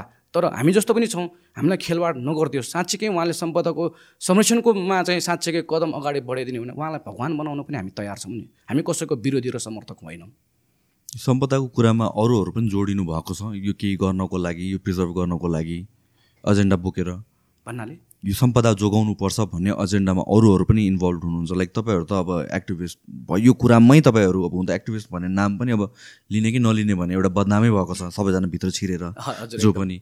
तर यो एजेन्डा जुन छ सम्पदा हामी प्रिजर्भ गर्नुपर्छ। प्रिजर्भ मात्र होइन कि गएकोहरूलाई रिकभर गर्नुपर्छ। भन्ने भन्ने एजेन्डा बोकेर अरू कोही जोड्न आउनुभएको छ तपाईँहरूसँग? होइन यस्तो छ। सम्पदा संरक्षणको एजेन्डा यो भाषण चाहिँ अहिले प्रधानमन्त्रीदेखि लिएर सबैले गर्छन्। अनि तर वास्तविकता फिल्डमा गएर हेर्न जाँदाखेरि एकदम दुर्भाग्य अवस्था छ। हजारौँ वर्ष अगाडिका सम्पदाहरू लथा लिङ्ग त्यसै फालेर राखिरहेको छ संरक्षण गरिरहेको छैन चोरेर लगिएको छ कति बिगारेको अवस्थाहरू छन्। त्यसकारण सबैजना सम्पदा संरक्षण गर्नुपर्छ चाहिँ भनिरहेका छन् तर सम्पदा संरक्षण चाहिँ भइरहेको छैन। एउटा कुरा यो सम्पदाको कुरा गर्ने बित्तिकै यो भनेको नेवारहरूको हो भन्ने मात्र कुरा आउँछ नेवा भने चाहिँ के होला त्यो बुझाइदिनु पर्यो तपाईँले? नेवा भनेको नेवारहरूको हो भन्दाखेरि अलिकति एकदमै दुर्भाग्य छ क्या। यो सारा नेपालीको हो हेर्नुहोस्। अझ विश्वकै हो भन्नुपर्ने हामीले खासमा। नेवा भनेको जात मात्रै होइन यो एउटा राष्ट्र हो क्या।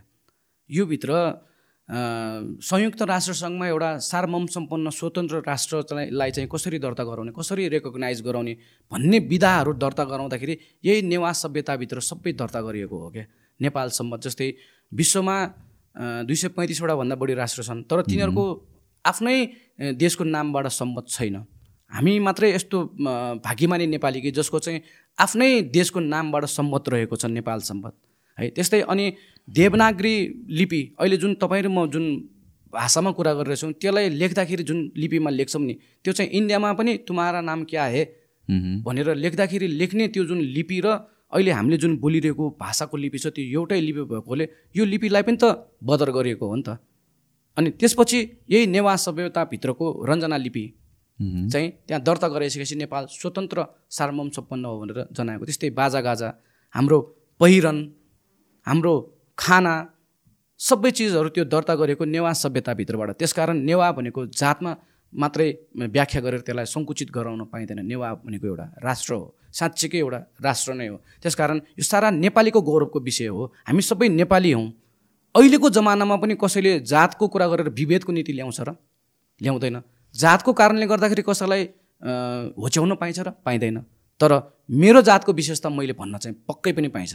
मैले कसैलाई होच्याउन विभेद गर्न पो पाइँदैन। मेरो जातको विशेष मेरो जातमा के के हुन्छ हामी के के गर्छौँ भनेर मेरो जातको विशेषता चाहिँ मैले भन्न पाइन्छ। तर जातको नाममा विभेद छुवाछुत या कुनै पनि होच्याउने त्यस्तो कुनै पनि गर्न पाइँदैन। हामी सारा नेपाली एक नै हौँ र हामी नेपालीको सभ्यता हो यो नेवा सभ्यता।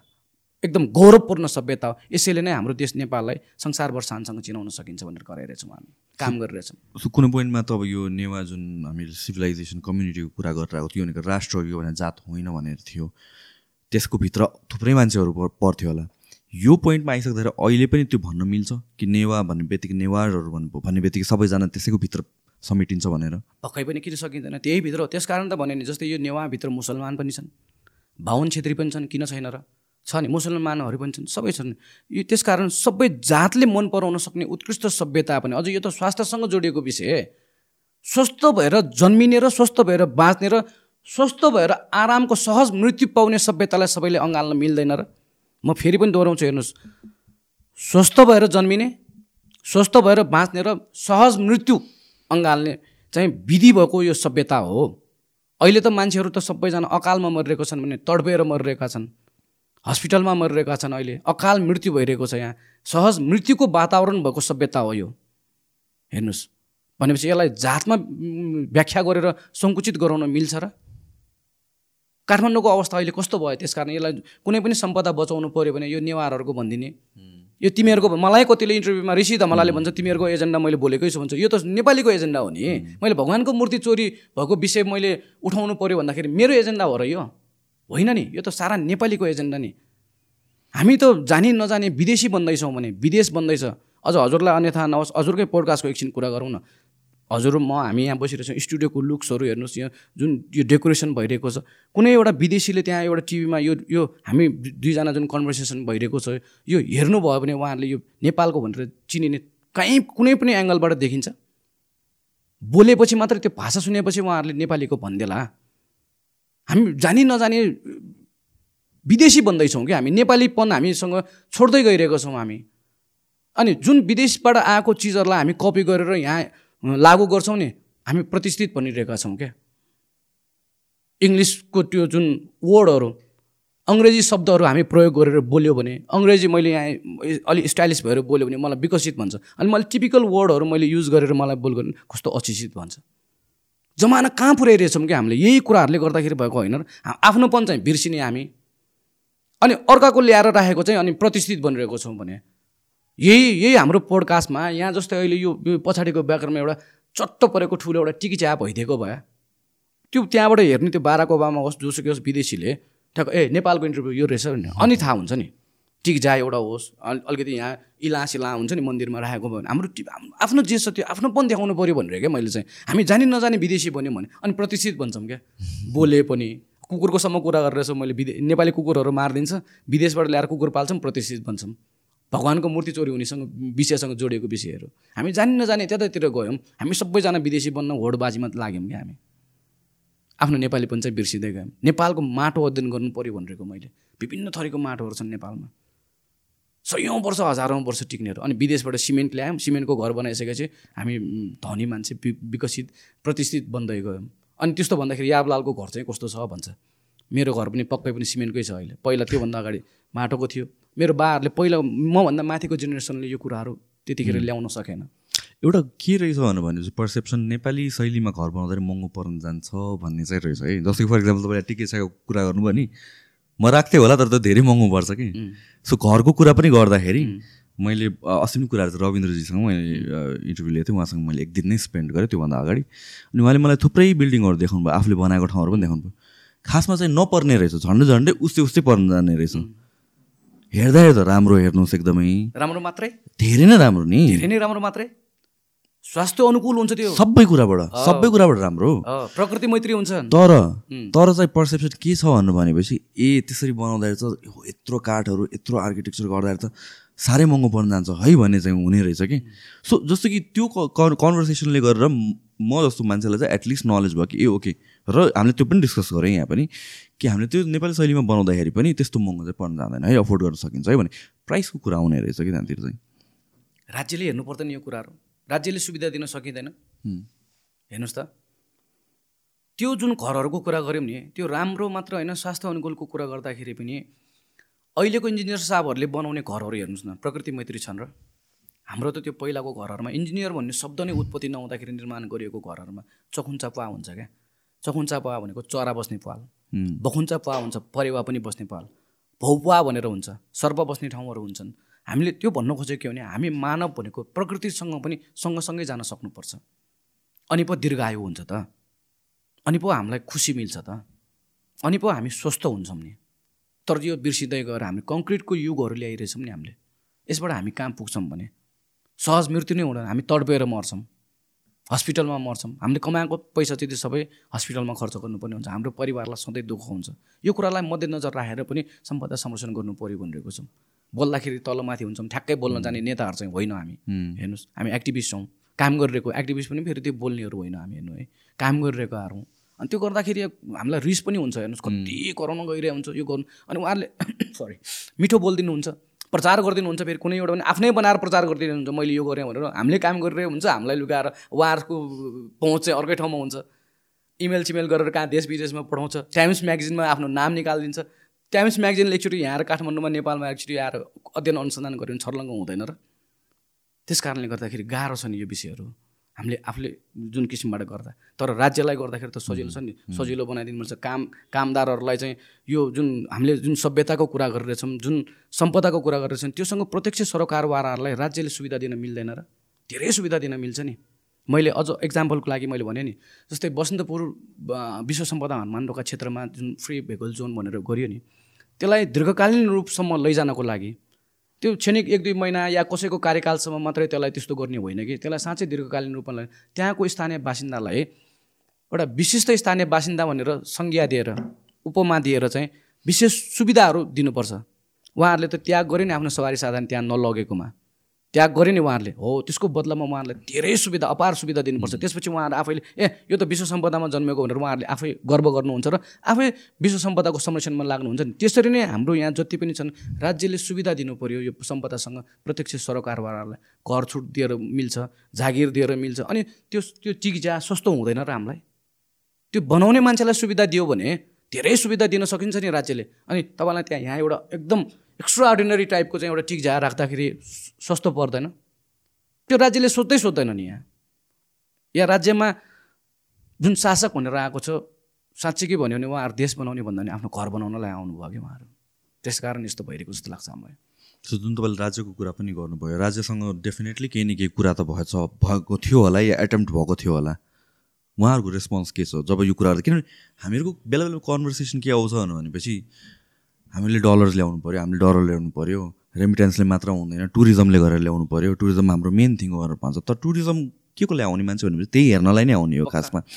भनेपछि यो पर्सपेक्टिभबाट टुरिज्मकै पर्सपेक्टिभबाट कुरा राख्दाखेरि कस्तो काइन्ड अफ कन्भर्सेसन हुन्छ? एकदम रमाइलो।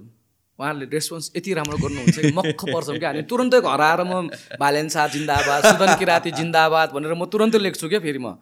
भोलिपल्टदेखि त्यो कामै हुँदैन। पिएले फोन गर्दाखेरि रेस्पोन्सै राम्रो गर्दैन। भेट्न पनि पाउँदैन।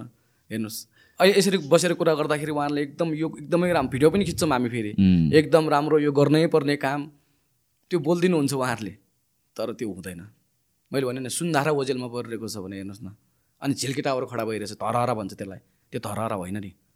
धरहरा उता ठुटोको रूपमा रहिरहेको छ। अर्को नयाँ टावर बनायो। त्यसलाई हामीले झिल्के टावर भन्यौँ। त्यही चिज बालेनलाई देखायौँ। उसले अर्को मिडियामा सेतु टावर भनिदिन्छन्।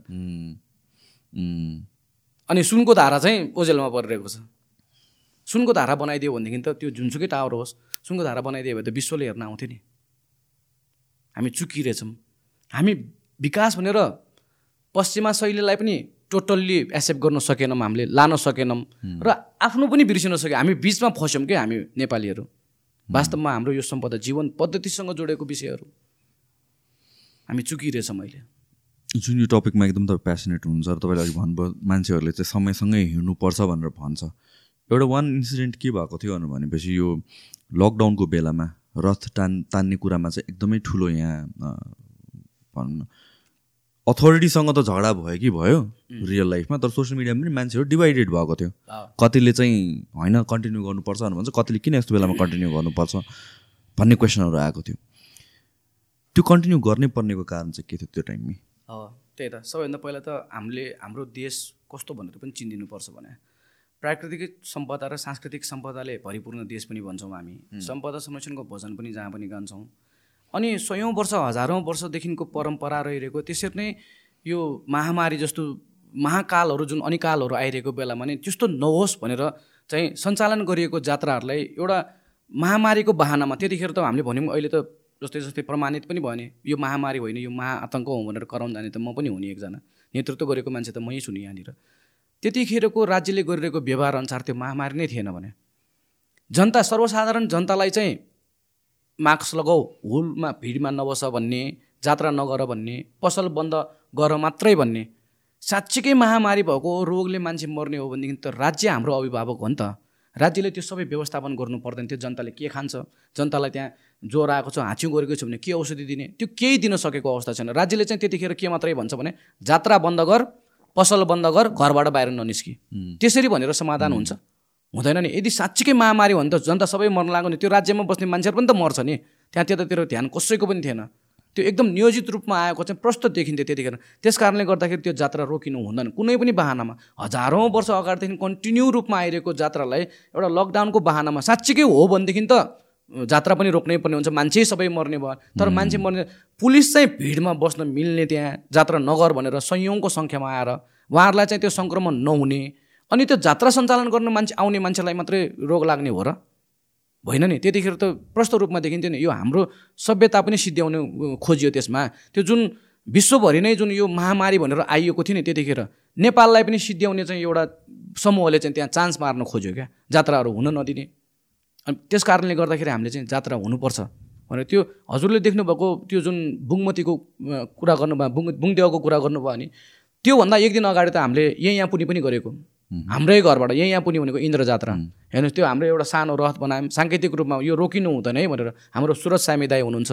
भीमसेन धानको उहाँले बनाउनु भएको रथलाई हामीले तानेर सयौँजना मान्छे हामी समावेश भएर बाजागाजा बजाएर हामीले त्यो जात्रा चाहिँ गरेरै देखायौँ सानै भए पनि। अनि त्यसको भोलिपल्ट चाहिँ हामी यो के अरे पाटनमा गएर यो बुङ्गदेवको जात्रा तान्न गयौँ हामी रथ तान्न गयौँ। त्यसपछि प्रहरीले पक्रेर आठ दिन हामीलाई थुन्थ्यो त्यहीँभित्र चाहिँ फेरि त्यो गोलमाल गरेर त्यहाँ त्यो के अरे कोरोना लाग्छ कि लाग्दैन पनि थाहा पनि त्यहाँभित्र चाहिँ एउटा कोठाभित्र चाहिँ हामी थुन्थ्यो। कसलाई कोरोना भयो भएन ऊ आज हामी यहीँ छौँ।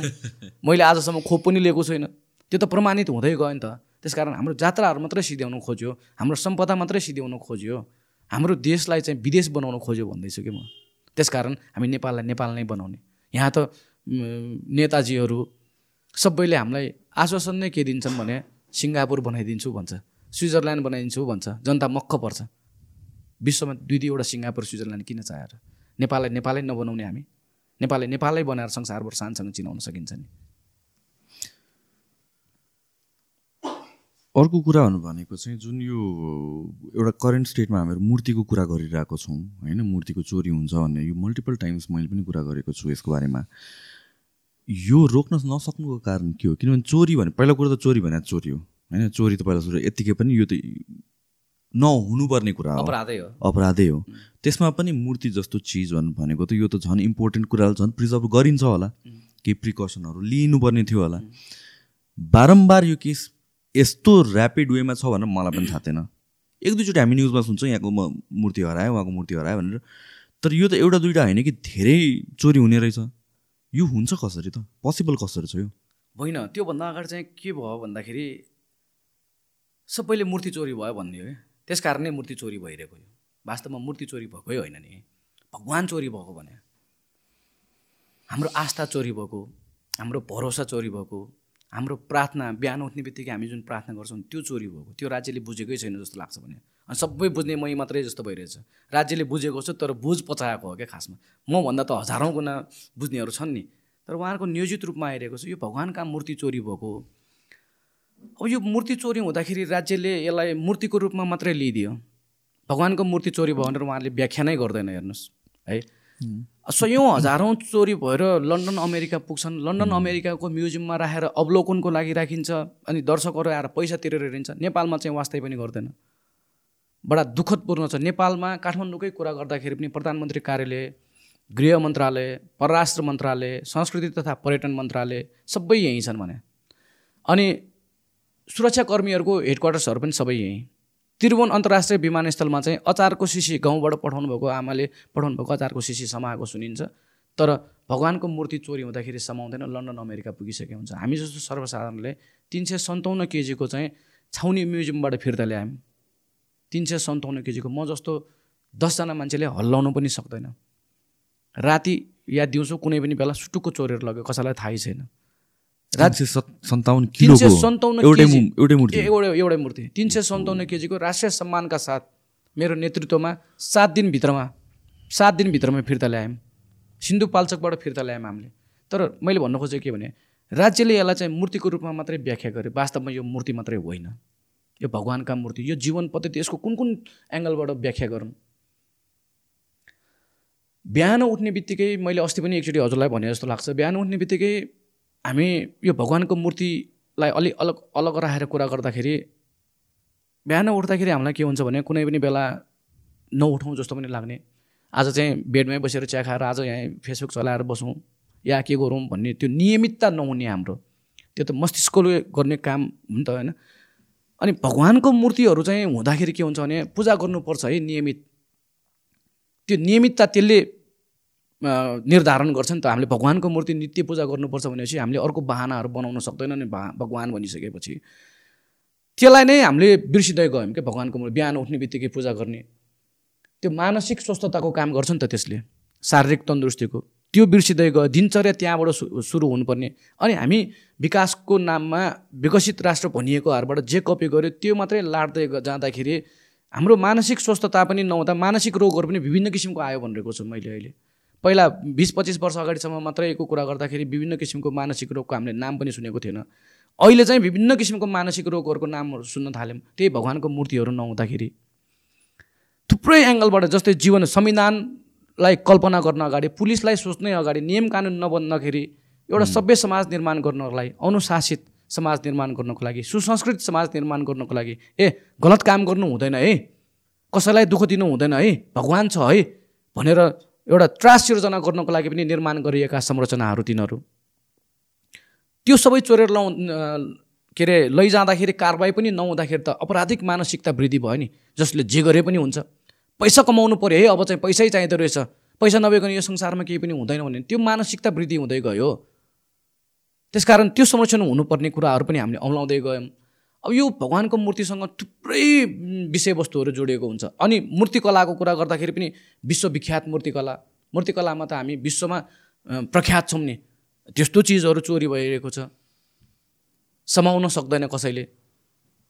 हजुरकै कुनै यो लगाइराख्नु भएको एउटा घडी हराउनु भयो भने कति खोज्नुहुन्छ नि? तर यहाँ भगवान्को मूर्ति चोरी हुँदाखेरि पनि कसैले खोज्दैनन् यहाँ चोर समाएको एक दुईवटा उदाहरण बाहेक अह अहिलेसम्म समाउनु सकेको छैन। त्यसकारण समाजलाई हामीले चाहिँ एउटा अपराधिक मानसिकतामा पनि अलिकति लगिरहेको जस्तो लागिरहेछ सम्पदालाई संरक्षण नगर्दाखेरि। हाम्रो पहिचान पनि घुमिरहेको छ राष्ट्रियता पनि घुमिरहेको छ यो भगवान्को मूर्तिहरूले गर्दाखेरि। त्यसकारण यो भगवान्का मूर्तिहरू संरक्षण गर्नुपर्छ भनेर मैले अहिले सुरुमा दोहोऱ्याए जस्तो एउटा दस रोपनी जग्गामा त्यो जुन पुरातत्व विभागमा राखिएकोहरूलाई प्रतिस्थापन गरेर हामी नेपालीहरूको जीवन पद्धति फेरि सुरु गर्ने। त्यसलाई त्यहाँ चाहिँ एउटा खुल्ला ओपनै कसैलाई त्यो म्युजियम स्युजियममा राख्ने पनि होइन। यो काठमाडौँ उपत्यका आफैमा एउटा खुल्ला सङ्ग्रहालय। म्युजियमलाई प्रोत्साहन गर्नु हुँदैन भनिरहेको छु। त्यसकारण यो सबै संरक्षण गर्नुपर्छ भनेर काम हामी गरिरहेका छौँ मैले मूर्ति बाहेक अहिले भइरहेको चाहिँ के हो? तपाईँको एक्टिभली जुन अब बिस्तारै ट्राभल पनि गराउनु भएको छ तपाईँ अरू ठाउँमा पनि हेर्नुलाई खासमा तपाईँले ध्यान दिइरहनु भएको हेरिरहेको गर्न खोज्नु भएको करेन्ट कन्टेक्समा चाहिँ के हो? सम्पदै हो। सम्पदाको चाहिँ व्याख्या अलि सङ्कुचित गरेकोले मात्रै मान्छेले नबुझेको यसको विशाल व्याख्या छ। हामीले काम गरेको सम्पदा क्षेत्रमै हो। सम्पदा भनेपछि कसरी बुझ्ने? मैले भर्खर अघि पनि भने नि आफ्नो राष्ट्रभित्र भएको मौलिक सामग्री प्रयोग गरेर मौलिक सामा मौलिक सामग्री प्रयोग गरेर मौलिक शैलीमै प्रयोग निर्माण गरिएको र मानव कल्याणको लागि बनाइएको संरचनाहरू सम्पदा हुन्। नेपालको कानुनले त्यसलाई सय वर्ष नागेको हुनुपर्छ भनेका छ। त्यसलाई सम्पदा भनिन्छ। र अघि नै मैले भने जस्तो मानव सभ्यताको विकास क्रममा चाहिँ हामी नेपालीले त्यस्ता सम्पदाहरू चाहिँ हजारौँ वर्ष अगाडि नै निर्माण गरिसकेका छौँ र हामी नेपालीको गौरवको विषय हो। हामीले चाहिँ हजारौँ वर्ष अगाडि अरू देशहरू भर्खर भर्खर विकसित भनिएको छ। हामीले चाहिँ सयौँ वर्ष हजारौँ वर्ष अगाडि नै त्यति समृद्ध हाम्रो पहिचान देखाइसकेको भन्ने गौरवको विषय हो सम्पदा भनेको। यो स्वास्थ्यसँग पनि जोडिएको हुन्छ यो शिक्षासँग जोडिएको हुन्छ वास्तविक आर्थिक समृद्धिसँग यो सम्पदा जोडिएको हुन्छ पर्यटनसँग जोडिने नै भयो रोजगारी त्यसबाट आउने नै भयो। त्यसकारण हामीले सम्पदा संरक्षण भनेर अहिले भगवान्को मूर्ति मात्रै होइन यो जुन फिर्ता ल्याउने काम मात्रै होइन कि भगवान्को मूर्तिहरू पनि यहाँ विभिन्न बाहनामा चाहिँ त्यसको मौलिक स्वरूप पनि बिगारिदिएको अवस्थाहरू छन्। रङहरू लगाइदिने विभिन्न किसिमको जानेर नजानेर इनामेलहरू लगाइदिने।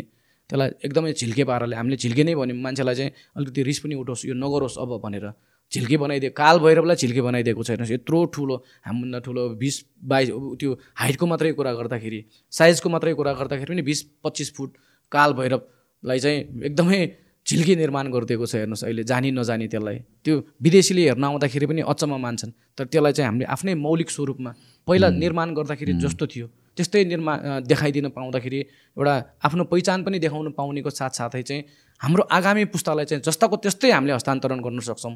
होइन भनेदेखि अहिले त्यो इनामेलहरूले गर्दाखेरि त्यसमा राखेको त्यो चिल्लोहरू त्यो तापहरूले गर्दाखेरि त्यहाँ त्यो मूर्तिको त्यो जुन ढुङ्गाको संरचनाबाट बनेको त्यो भगवान्को मूर्ति टुक्रा टुक्रा भएर निस्किरहेको उदाहरणहरू हामी प्रशस्तै देखाउन सक्छौँ। त्यो भगवान्का मूर्तिहरूलाई पनि मौलिक स्वरूपमै ल्याउने हिटीहरू जमिन मुनि रहेका हिटीहरू पुरिएको हिटीहरूलाई चाहिँ उत्खनन गरेर संसारलाई देखाउने थुप्रै कामहरू चिबाहरू यो जुन अहिले चैत्य भन्छन् चिबाहरू पनि दोलखा भर्खर बाहिरको कुरा गर्नुभयो दोलखामा पनि एकदमै ऐतिहासिक पुरातात्विक सांस्कृतिक मान्यता भएका चिबाहरू चाहिँ एकदमै विनाश भएको अवस्था छ। काठमाडौँ राजधानीमा त यस्तो अवस्था छ भने अझ दोलखामा त झन् सम्पदा संरक्षण खासै भएको छैन। अहिले भर्खरैमा सरी भर्खरै मात्र पनि हामी नुवाकोटको अग्रज दाईहरूसँग सम्पर्कमा आउँदाखेरि नुवाकोटमा पनि लगभग चाहिँ सम्पदा सिधै नै लागेको अवस्था छ। त्यसकारण हामी काठमाडौँ उपत्यका बाहिर पनि गएर कोसिसहरू गरिरहेका छौँ। थुप्रै सम्पदाको कामहरू चाहिँ अहिले गरिरहेका छौँ हामीले। एउटा सर्ट ब्रेक लिउँ त हामी। विश्व सम्पदाको हामी कुरा गरिरहेको छौँ काठमाडौँमा कतिवटा विश्व सम्पदा छ? काठमाडौँ महानगरपालिकामा मात्रै चारवटा छ। स्वयम्भू पशुपति अनि खास्ती महाचैत्य अहिले जुन बौद्ध भनिन्छ। अनि त्यसपछि हनुमान ढोका यो चारवटामा अहिले हामी केन्द्रित चाहिँ विशेष गरी हनुमान ढोकामा चाहिँ धेरै नै काम गरिरहेछौँ। अनि पशुपतिमा खासै गरेको छैन। खास्तीमा चाहिँ त्यो बौद्धमा चाहिँ अलिअलि निरीक्षण मात्रै भएको छ। यसरी तर मुख्यतया चाहिँ हनुमान ढोकामा अहिले धेरै नै काम गरिरहेका छौँ थुप्रै काम गरेको सो हनुमान ढोकामै तपाईँहरू एकदम फोकस हुनुभएको कारण चाहिँ के हो? होइन त्यसरी फोकस हुनुको खासै कारण चाहिँ होइन अब काम गर्दाखेरि हामी कुनै सङ्गठनको रूपमा काम गरिरहेको पनि होइन। हेर्नुहोस् व्यक्ति व्यक्ति मिलेर स्वस्फूर्त रूपमा हामी कुनै राजनीतिक दलको कार्यकर्ता पनि होइन कुनै सरकारी निकायसँग खासै आबद्ध पनि छैनौँ। अनि हामी स्वस्फूर्त रूपमा काम गर्दाखेरि आफ्नो घर नजिकको पनि भयो हनुमान ढोका चाहिँ सधैँ गइराख्ने ठाउँ पनि। र अलिकति यो चारवटा मध्ये चाहिँ अलिकति पर्यटकीय हिसाबमा पनि विशेष आकर्षक भएको ठाउँ दरबार क्षेत्र पनि भयो। त्यसकारण चाहिँ त्यहाँ बढी चाहिँ त्यहीँ केन्द्रित हुन्छौँ हामी। थुप्रै कामहरू गरेछौँ त्यहाँ पनि अहिले मैले अघि नै भनिसकेँ कालभैरवको मूर्ति लगायत अरू सिंहहरू हुन्छन् हाम्रो त्यो सम्पदाहरू। त्यसलाई चाहिँ एकदमै झिल्के बनाइएको छ अहिले जानी नजानी विभिन्न यो ब्ल्याक जापान भन्ने टाइपको रङहरू इनामेलहरू लगाउने सम्पदालाई अलिकति कुरूप पारिदिने। अब त्यहीँ पनि हनुमान ढोका बनिएको छ। अब मुख्य हनुमान नै एकदम लड्डु जस्तो देखेको छ। सबै हेर्नुहोस्। अब त्यो सबै नाक मुख कान त्यो सबै छोपिदिएको छ क्या एकदम त्यो पेन्टले गरेर। पेन्ट मात्रै होइन सबै त्यो पेडाहरू पनि त्यहीँ अब राखिदिने हो यो यो चाहिँ कुरा बाहिर अलिकता मान्छेहरू नजानेको पनि हो जस्तो लाग्यो। किनभने पेन्ट भनेको त अब युजली पहिला पहिलाको हिसाबले त त्यसलाई झन् प्रोटेक्ट गर्नको लागि बनाइ गरिन्थ्यो नि पहिला पहिलाको पेन्टहरू त। अब अहिले त पेन्टले झन् बिग्रिने भयो र मन्दिरमा त्यो पैसा चढाउँदाखेरि फालिने अनि त्यसपछि त्यो मिठाईहरू खुवाउने गर्दाखेरि त झन् बिग्रिँदै बिग्रिँदै जाँदो रहेछ। त्यही त मैले भने हनुमानै लड्डु जस्तो देख्यो भने अब हनुमान डल्लो गयो अब त्यो नाक पनि देखिँदैन हनुमानको कस्तो यति राम्रो त्यो कला छ कि त्यसमा जस्तै हामीले त्यो पाटनको मङ्गल बजारमा रहेको हनुमानलाई चाहिँ त्यो सबै रिमुभ गऱ्यौँ हाम्रो टम एन्ड जेरी रवि साके हुनुहुन्छ हाम्रो मूर्तिकार पनि हुनुहुन्छ हाम्रो अभियानकर्ता हुनुहुन्छ उहाँ पनि। उहाँको नेतृत्वमा हामीले गऱ्यौँ। त्यहाँ गर्दाखेरि एकदमै आश्चर्यजनक परिणाम निस्क्यो कि त्यो एक दुई दिनभित्रमै त्यसलाई पुरा मजासँग सफा गऱ्यौँ हामीले। अलिकति गाह्रो चाहिँ भयो।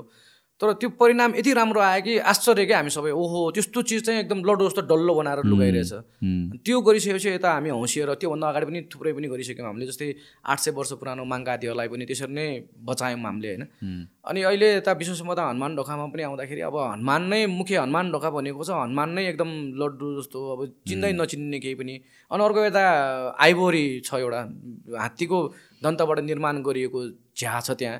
त्यो खास चोरी भइसकेको छ अहिले काठ मात्रै म आफै गएर पनि हेरिसकेँ। त्यो झ्याको मुनि पनि हनुमान देव छ। त्यो हनुमानलाई अब पुरा अघि सेक्युरिटी पनि कुरा गरेँ। नेपालमा नेपाल पुलिस नै छैन जस्तो क्या। सुरक्षा भन्ने नै छैन जस्तो। हनुमानको भगवान्लाई चाहिँ हनुमान भगवान्लाई पुरै त्यो बारले छेकेर जेलभित्र राखिरहे जस्तो। खोरमा राखिरहे जस्तो। होइन? अनि त्यो चिजहरू पनि रिमुभ गर्नु पऱ्यो भनेर त्यतातिर हामी बढी फोकस भइराख्ने अब थुप्रै कामहरू हनुमान ढोकामा अस्ति भर्खरै पनि अब हामीले विभिन्न प्रयास गरेर वर्षौँ अगाडिदेखि एकदमै विभिन्न प्रयास गरेर सवारी साधन मुक्त पनि बनायौँ। अब यसलाई दीर्घकालीन रूपमा लैजानुपर्छ। त्यहाँको स्थानीयहरू अलिकति आक्रोशित पनि भइरहेको छ म हजुरकै अहिले पनि? अहिले नै एकदम। किनभने उहाँहरूले त अन्य नागरिकले पाउने सुविधाबाट वञ्चित हुनुभयो नि त उहाँहरू। जस्तै आफ्नो सवारी साधन लानु पाएन उहाँहरूले। त्यसको विकल्पमा सम्बन्धित निकायले गरिदिनु पर्ने यहाँ चाहिँ केही गरेकै अवस्था छैन। यसको उपायहरू पनि मैले थुप्रै अघि एकछिन अगाडि पनि मैले भनिसकेँ। विश्व विश्व सम्पदाको स्थानीय बासिन्दाहरूलाई चाहिँ एउटा विशिष्टताको उपमा दिएर अरू ठाउँको स्थानीय बासिन्दा जस्तो होइन तपाईँहरू। तपाईँहरू चाहिँ विश्व सम्पदाको स्थानीय बासिन्दा भएकोले तपाईँहरूलाई चाहिँ यो यो किसिमको छुट दिने त्यहाँको व्यापारहरूलाई छुट दिने अर्को व्यवस्थाहरू मिलाइदिने त्यो गर्नुपर्ने ठाउँमा त्यो यो अहिले राज्यले कुनै पनि कामहरू गरेको छैन। खालि सवारी साधन मात्रै नछिराउँदाखेरि त्यहाँको जनताहरू आकर्षित हुने स्वाभाविक हो र यो कुनै पनि बेला यो यो रुल चाहिँ ब्रेक हुनसक्छ। हो जस्तो कि यो कुरामा चाहिँ अलिकति मैले डिस्कस गर्नु खोजेँ होइन? जो यो जुन सवारी साधन नलग्ने भनेर भन्दा उहाँहरूको पर्सपेक्टिभबाट पनि ठिकै हो किनभने यत्रो इन्भेस्ट गरे हुन्छ। होइन? अनि त्यसपछि सवारी साधन नै नछिरेपछि त बिजनेस नहुने भयो। फेरि यहाँको भाडा महँगो छ ट्याक्सको कुरा सबै चिज पनि हेर्नु पर्यो सो उहाँहरूको पनि दुःख एउटा साइडमा छँदैछ। यसको सल्युसन के हुनसक्छ त? त्यही त मैले भर्खर भने उहाँहरूको दुःख छ पक्कै तर उहाँहरूले गौरव गर्नुपर्छ। हामी स्थानीय बासिन्दा अरू ठाउँको जस्तो होइन। हामी चाहिँ विश्व सम्पदाको स्थानीय बासिन्दा भएकोले उहाँले गौरव गर्नु पर्यो त्यहाँको व्यापारीले पनि हामी अरू ठाउँको व्यापारी जस्तो होइन है। हामी चाहिँ विश्व सम्पदामा पसल राखेको व्यापार गरेको व्यापारी हौँ भनेर भन्न सक्नु पर्थ्यो। र त्यसलाई चाहिँ राज्यले स्थानीय निकाय जुन छ या अरू केन्द्रीय जुन छ सङ्घीय जुन छ ती निकायहरूले चाहिँ उहाँहरूलाई विशेष सुविधा दिनु पर्थ्यो भने कर छुट गरेर हुन्छ कि? होइन अर्को सँगैको ठाउँमा नजिकको ठाउँमा नि शुल्क पार्किङको व्यवस्था गरिदिएर हुन्छ कि? के के गरेर हुन्छ? उहाँहरूलाई कसरी खुसी बनाउने? सवारी साधन त लानै पाएन। किनभने त्यहाँ सवारी साधन लाने बित्तिकै थुप्रै नकारात्मक असर पर्ने त पक्कै पनि भयो। जस्तै जगहरू पनि बलियो हुँदैन सम्पदाहरूको। विश्वभरको पर्यटकहरू आउने ठाउँ विश्वभरको पर्यटकहरू आउँदाखेरि त्यहाँ अवलोकन गर्न आउँदा अध्ययन गर्न आउँदाखेरि नकारात्मक असर पर्ने भयो। थुप्रै कुराहरू हुने भयो। त्यसकारण त्यसलाई मध्यनजर राखेर सवारी साधन त कुनै हालतमा लानै पाएन। कुनै पनि बाहनामा त्यहाँ त अझ अझै पनि विभिन्न बाहनामा लगिरहेछ। मर्मतको बाहनामा लैजान्छन् पानीको बाहनामा लैजान्छन् सेनाको बाहनामा लैजान्छन्। लाज मर्दो कुरा छ यहाँनिर हेर्नुहोस् है। रिस पनि उठ्छ हामीलाई। सेनाले त्यहाँ विभिन्न बाहनामा पानी लानु खोज्छ। सेनाले त झन् संरक्षण गर्नुपर्ने सेनाको बारेमा पनि अझ डिस्कस गरौँ। नेपालमा सेना आवश्यक छ छैन म भन्दिनँ। हेर्नुहोस् है त्यो यो विषयमा म प्रवेशै गर्दैन तर काठमाडौँमा सेना के गर्दैछन् म छर्लङ्ग पारिदिन्छु तपाईँहरूलाई। त्यहाँ विश्व सम्पदामा भएको सेनाले त पानी लानलाई भनेर गाडी लाने होइन नि बाहना बनाइराख्ने होइन नि त्यहाँ त ए लानु हुँदैन है भन्ने। अब पानीको व्यवस्थापन कसरी गर्ने भन्छ। मैले अस्ति न अनौपचारिक रूपमा मैले कुराकानी गर्दाखेरि नै एक दिनमा दस लाख रुपियाँ आम्दानी भएको छ अहिले भर्खर भर्खर एकदमै राम्रो पर्यटकको त्यहाँ आगमन भएको छ हेर्नुहोस् है। अनि ती पैसाहरू एक दिनमै दस लाख हुँदाखेरि त्यहाँ पानीको व्यवस्थापन गर्न सकिँदैन मान्छेले बोकेर लाने हो कि? सेनाको काम के त्यहाँ?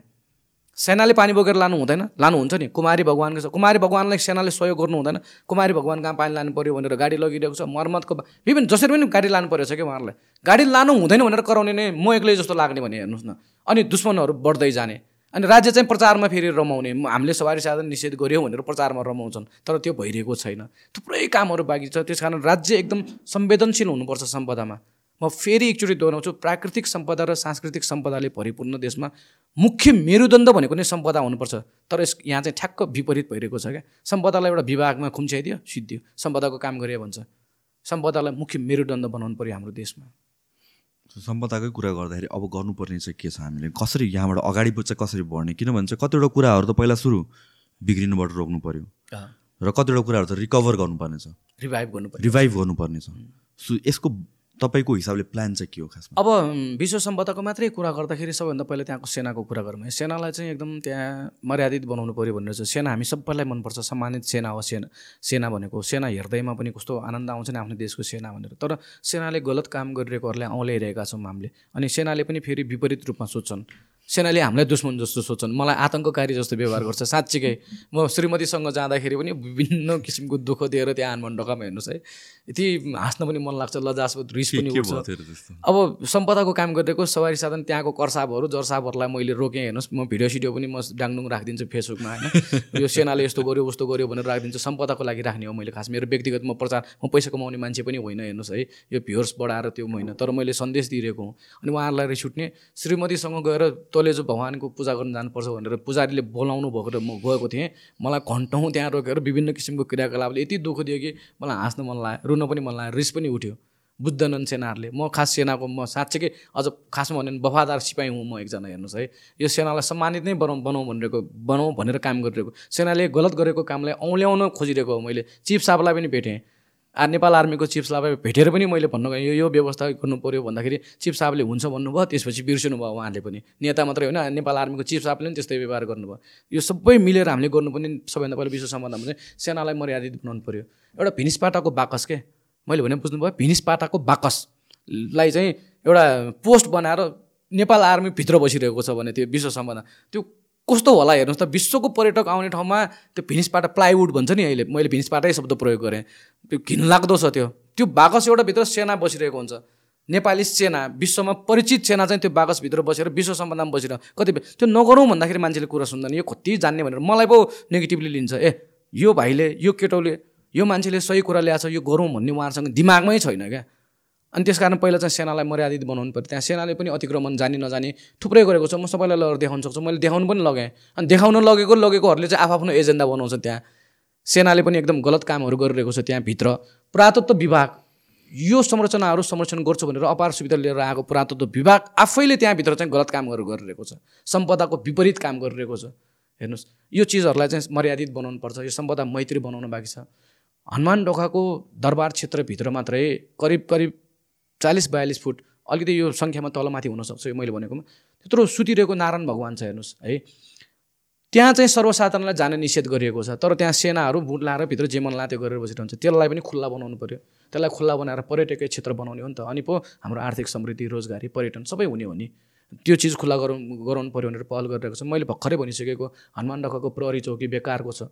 त्यसलाई सफा गरिदिनु पऱ्यो खुल्ला बनाइदिनु पऱ्यो विश्व सम्पदा विश्वलाई शानसँग देखाउनु पऱ्यो अर्को मौलिकतामा ल्याउनु पऱ्यो त्यहाँ जुन जानी नजानी रङ रोगन गरेर जुन झिल्के बनाइएको छ शेरहरू मूर्तिहरू भगवान्का मूर्तिहरू त्यसलाई चाहिँ मौलिक रूपमा ल्याएर एकदमै हाम्रो जे छ त्यो देखाउन सक्नु पऱ्यो त्यसबाहेक त्यहाँ भगवान्का मूर्तिहरूलाई पनि जेलभित्र राखिएको जस्तो त्यो जनावरको खोरमा राखेको जस्तो र बारहरू राखिरहेको छ। प्रहरीलाई गिज्याइरहेको होइन र नेपालको यो सुरक्षा प्रणालीलाई गिज्याइरहेको होइन र एउटा भगवान्को मूर्ति सुरक्षा गर्न सक्दैन भने प्रहरीको हेडक्वार्टर काठमाडौँभित्रै किन? एउटा भगवान्को मूर्तिलाई चोरलाई एउटा समाउन सक्दैन भने अ, सशस्त्र प्रहरीको नेपाली सेनाको मुख्यालय ठुल्ठुलो हेडक्वार्टर्सहरू सबै यहीँ भिआइपीहरू सबै यहीँ अनि भगवान्को मूर्ति नै संरक्षण गर्न सक्दैन भने त्यो किन? त्यो गर्नु पऱ्यो नि। यहाँ ठुल्ठुलो भाषण मात्रै गरेर हुन्छ र भने। नेताजीहरू त यो चुनावमा जितेर नेताजी भन्छन् पदमा बस्छन्। चुनावी प्रणाली सही छैन यहाँ। जस्तो मान्छे पनि त्यसै जित्दो रहेछ यहाँ। अनि त्यही जितेर गएको मान्छेले साँच्चीकै संरक्षणै गर्दैन। त्यो बोल्ने मात्रै उहाँहरू। मैले अघि भने नि आजकल त बोल्न पनि सजिलो छ। ऊ मोबाइल यसो अगाडि राख्ने सबैको कपी गर्न मिलिहाल्छ। त्यो स्टाइल म बोल्दिनँ। त्यति मात्रै गरिरहेछ कपी गर्नेहरूले त जति कपी गर्यो त्यति मात्रै पेस गरिरहेछ। अनि क्रिएटिभिटी भएकोहरूलाई चाहिँ सिधै हुन्छन् उहाँहरूको क्रिएसनै अगाडि आउनु पाउँदैन नि। भने नि त्यो पशुपतिमा जलहरी हराएको चाहिँ न्युज निकाल्छ।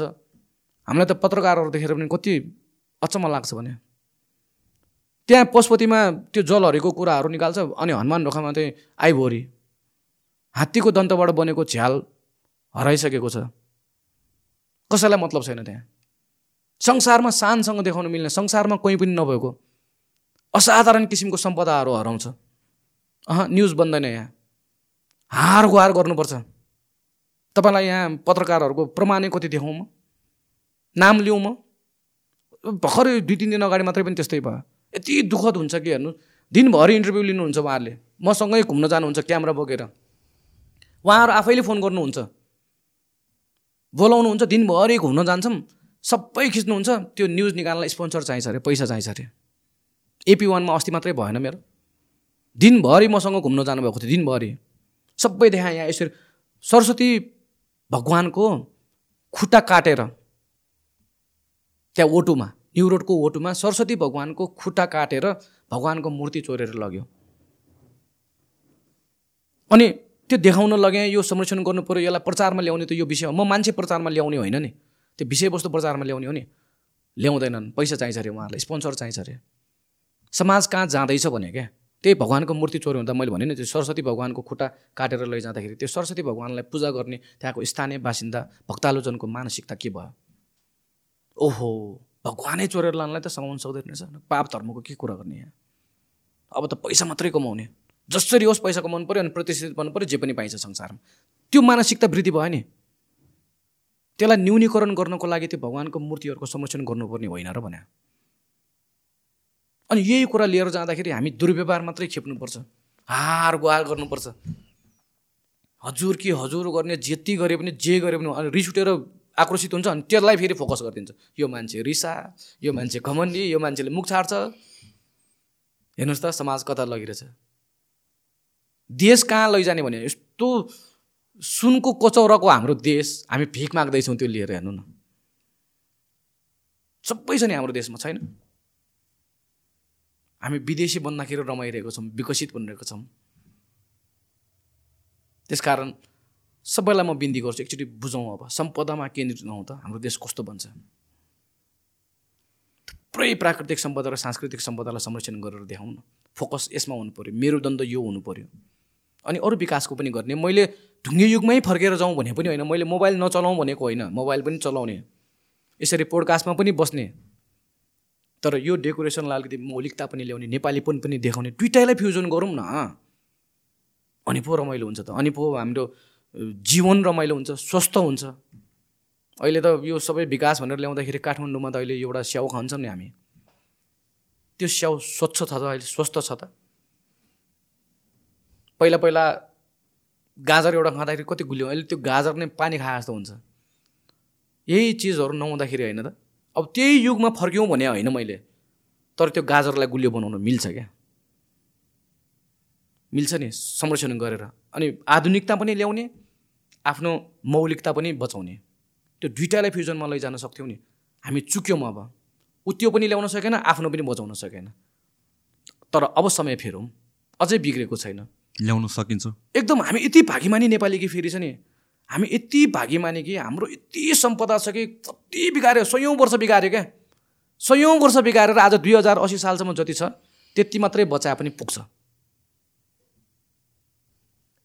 हामीभन्दा अगाडिको र हाम्रोसम्मको पुस्ताले भोटाइटीको नाम सधैँ सुनिरह्यौँ नि। भोटाइटी कहिले हेर्न पाएनौँ नि। तर अब असी सालदेखि हेर्ने सपनाको देखेर काम गरौँ न। के भोटाइटी हेर्न सक्दैनौँ र देखाउन सक्दैनौँ र हामी।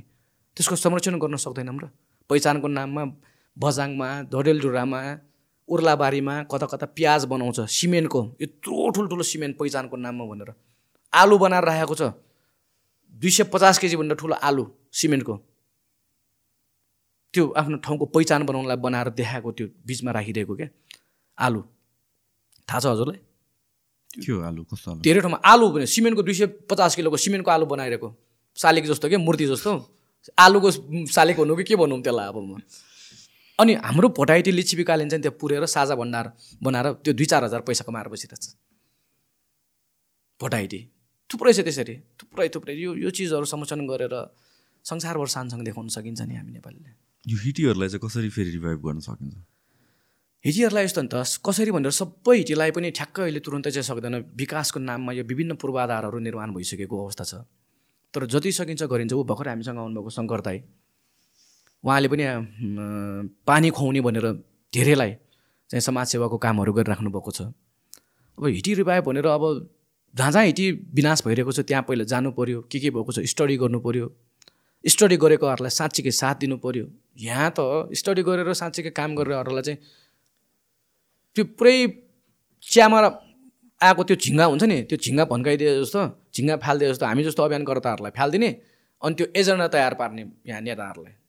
सुटुको सुटुको गएर हिटी हेर्न जान्छन्। कसरी बन्छ भने? त्यो त त्यहाँ सम्बन्धित स्थानीय बासिन्दाहरू त्यसका विज्ञहरू अभियानकर्ताहरू सबैलाई जोडेर त्यसलाई संरक्षणको काम गर्नु गयो भने सम्भव भएको सम्म हिटीमा पानी ल्याउन सकिन्छ नि। अनि नभएको सम्भव नभएको पनि चार पाँचवटा किसिमबाट पानी ल्याउन सकिन्छ भनिरहेको छु मैले। एउटा चाहिँ प्राकृतिक रूपमा प्राकृतिक त नभनौँ पहिला जुन पौराणिक युगमा चाहिँ जसरी निर्माण गर्यो जुन शैलीबाट गर्यो त्यसरी नै ल्याउने कोसिस गर्ने त्यो सम्भव नभएको ठाउँमा चाहिँ अहिले जुन यो खानेपानीको लाइनहरू ल्याइरहेको छ त्यो खसाल्न मिल्छ। त्यहाँबाट त्यसरी पानी झार्ने त्यसरी पनि सकेन भने मिसिनहरू प्रयोग गर्ने। जस्तै होटेलहरू लगायत यो ठुल्ठुलो ठाउँहरू हुन्छ नि त्यहाँ आर्टिफिसियल रूपमा बनाएर राखेका हुन्छ नि त्यो पानीलाई रिसाइकल गरेर। हो त्यसरी पनि त्यो रिसाइकल गरेर विश्वलाई देखाउन मिल्छ। यो तिनैवटा कुरा सम्भव भएन भने पनि त्यसलाई बिगार्न पाइँदैन। त्यत्तिकै मात्रै भए पनि त्यो हिटीलाई संसारभर सानसँग देखाउन सकिन्छ। जस्तै हामी पानी नै नखुवाइरहेको खानेपानी संस्थान यो केयुकेएलहरूमा यो मेलन्चीको नाममा। हामी सहितको महसुल तिरिरहेको छौँ नि। भनेपछि त्यो हिटीको त्यो कला मात्रै हेर्नुहोस् न त्यसलाई बिगार्न पाइन्छ र। त्यसलाई बिगार्न पाइँदैन। त्यसलाई संसारभर सानसँग देखाउनै पर्ने कुराहरू तिनीहरू तर धेरै सिद्ध्या। अझै पनि हामी मैले भर्खर पनि भने हामी नेपालीहरू यति भागीमानी छन् कि पहिलाको कुरा छोडिदिउँ अब।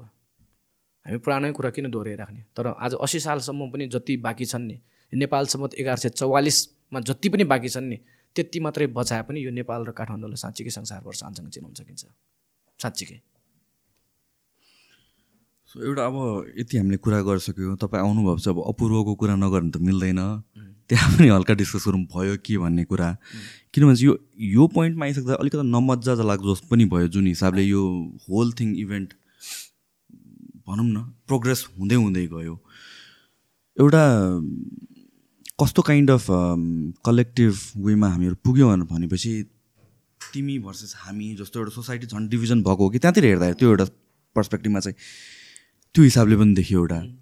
र अर्को के पनि छ भनेपछि उसले कमेडी गर्यो उसले जोक गर्यो कतिलाई मन पऱ्यो कतिलाई मन परेन भन्ने कुरा छ रिस उठ्यो चित्त दुख्यो त्यो कुराहरू छ। त्यहाँ वार्निङ मात्र दिएर गर्न सकिन्थ्यो कि एउटा कुरा। अरू कुरा भनेको यति लिगली नै यो लेभलसम्म किन त महिनौ भन्दा धेरै नै भइसक्यो नि। यहाँ वर्षै भइसक्यो। यहाँसम्म कसरी पुग्यो यो कुरा? यहाँसम्म ल्याउन जरुरी थियो? के भएको के हो ओभरअल यो हामीले आनन्दले यहाँ चाहिँ तपाईँले एक्सप्लेन गर्नु पाउ पाउनु हुँदाखेरि अनबायस्ड भएर भएको चाहिँ के हो? एक्चुली सिनेरियो क्लियर गरिदिनु पऱ्यो। होइन यस्तो छ। खासमा भन्यो भने अपूर्व क्षितिजको बारेमा म कुरा गर्न चाहन्न थिएँ किन सिधिसकेको टपिक्स भने मेरो जुन नेतृत्वबाट काम भएको थियो त्यतिखेरको हिसाबमा कुरा गर्ने भए व्यक्तिगत रूपमा मबाट चाहिँ त्यो सिधिसकेको केस हो हेर्नुहोस् है। म यो यसलाई दोहोऱ्याइराख्न बोल्न लेख्न चाहन्न थिएँ तर प्रसङ्ग उठिसकेपछि मैले भन्नै पर्छ। नेवा सभ्यतामा हामी काम गरिरहेको अभियन्ताहरू भर्खर यत्रो कुरा गरिसक्यौँ विभिन्न विधामा काम गरेको फेरि यो हिटी र मूर्तिमा मात्रै पनि होइन व्यक्तिगत रूपमा मेरै कुरा गर्दाखेरि मेरै नेतृत्वको कुरा गर्दाखेरि सम्पदा संरक्षण महाअभियान भनेर विभिन्न विधामा यो सम्पदामा यो नेवा सभ्यताभित्र चाहिँ हामी काम गरिरहेको अभियानकर्ताहरू हौँ। अनि योभन्दा अगाडि अपूर्व क्षितिजको जुन इस्यु आउन अगाडि पनि यो नेवा सभ्यतामा विभिन्न व्यक्तिहरूले विभिन्न किसिमबाट प्रहार गरिरह्यो। उदाहरणको लागि क्षमा तिस नम्बर वडाका वडाध्यक्षज्यू दलबहादुर कार्केज्यूले पनि त्यतिखेर यो ढुङ्गालाई पूजा गर्ने नेवारहरू। अनि यो ढुङ्गालाई एउटा ढुङ्गा देख्यो भने पूजा गर्छ अबिर सबिर लगाइदिन्छ अनि यो विकासको चाहिँ विरोधीहरू यिनीहरू भनेर उहाँले अभिव्यक्ति दिनुभयो। है। अनि त्यतिखेर हामी उहाँलाई अफिसमै गएर भेट्न गयौँ। उहाँलाई हामीले बुझायौँ नेवार सभ्यता यस्तो यस्तो हो दाइ अब नेपाललाई नै बचाएको। यो नेवार भनेर जातमा डिभाइड नगरिदिनुहोस् जातको विषय होइन। यो तपाईँको पनि सभ्यता। तपाईँलाई पनि गर्व हुनुपर्छ। विदेशीले त आएर गर्व गर्छन् भने हामी नेपालीले गर्व नगर्ने विषय हो र यो भनेर उहाँलाई राम्रोसँग बुझायौँ। एकदमै सौहार्दपूर्ण वातावरण बन्यो। उहाँले हाम्रो मैले दाइ भिडियो खिच्छु भन्दाखेरि हुन्छ भन्नुभयो खिच्यो। उहाँले जसरी बोल्नुभएको थियो त्यसरी क्षमा माग्नुभयो सिद्धियो। हेर्नुहोस्। क्षमा माग्नुभयो सिधै काहीँ हामी कानुनी रूपमा पनि कहीँ जानु पनि परेन केही गर्नु पनि परेन सिधै। त्यस्तै कृष्ण कणेल पत्रकारज्यू अहिले त उहाँ हराइसक्नु भयो हेर्नुहोस् है। अरू अरू उहाँ हुनुहुन्छ उहाँलाई यो मैले भन्न चाहिँ मैले बाध्य भएर भनेको। उहाँले पनि काठमाडौँवासीहरू चाहिँ यस्तो उस्तो यो लकडाउनको टाइममा भाँडा खाएर बस्छ यो इँटा टोकेर बस अब भाडा दिनु पर्दैन भनेर नेवा सभ्यताकै काठमाडौँवासीहरूलाई प्रहार गर्नुभयो। उहाँलाई पनि गएर भेट्यौँ।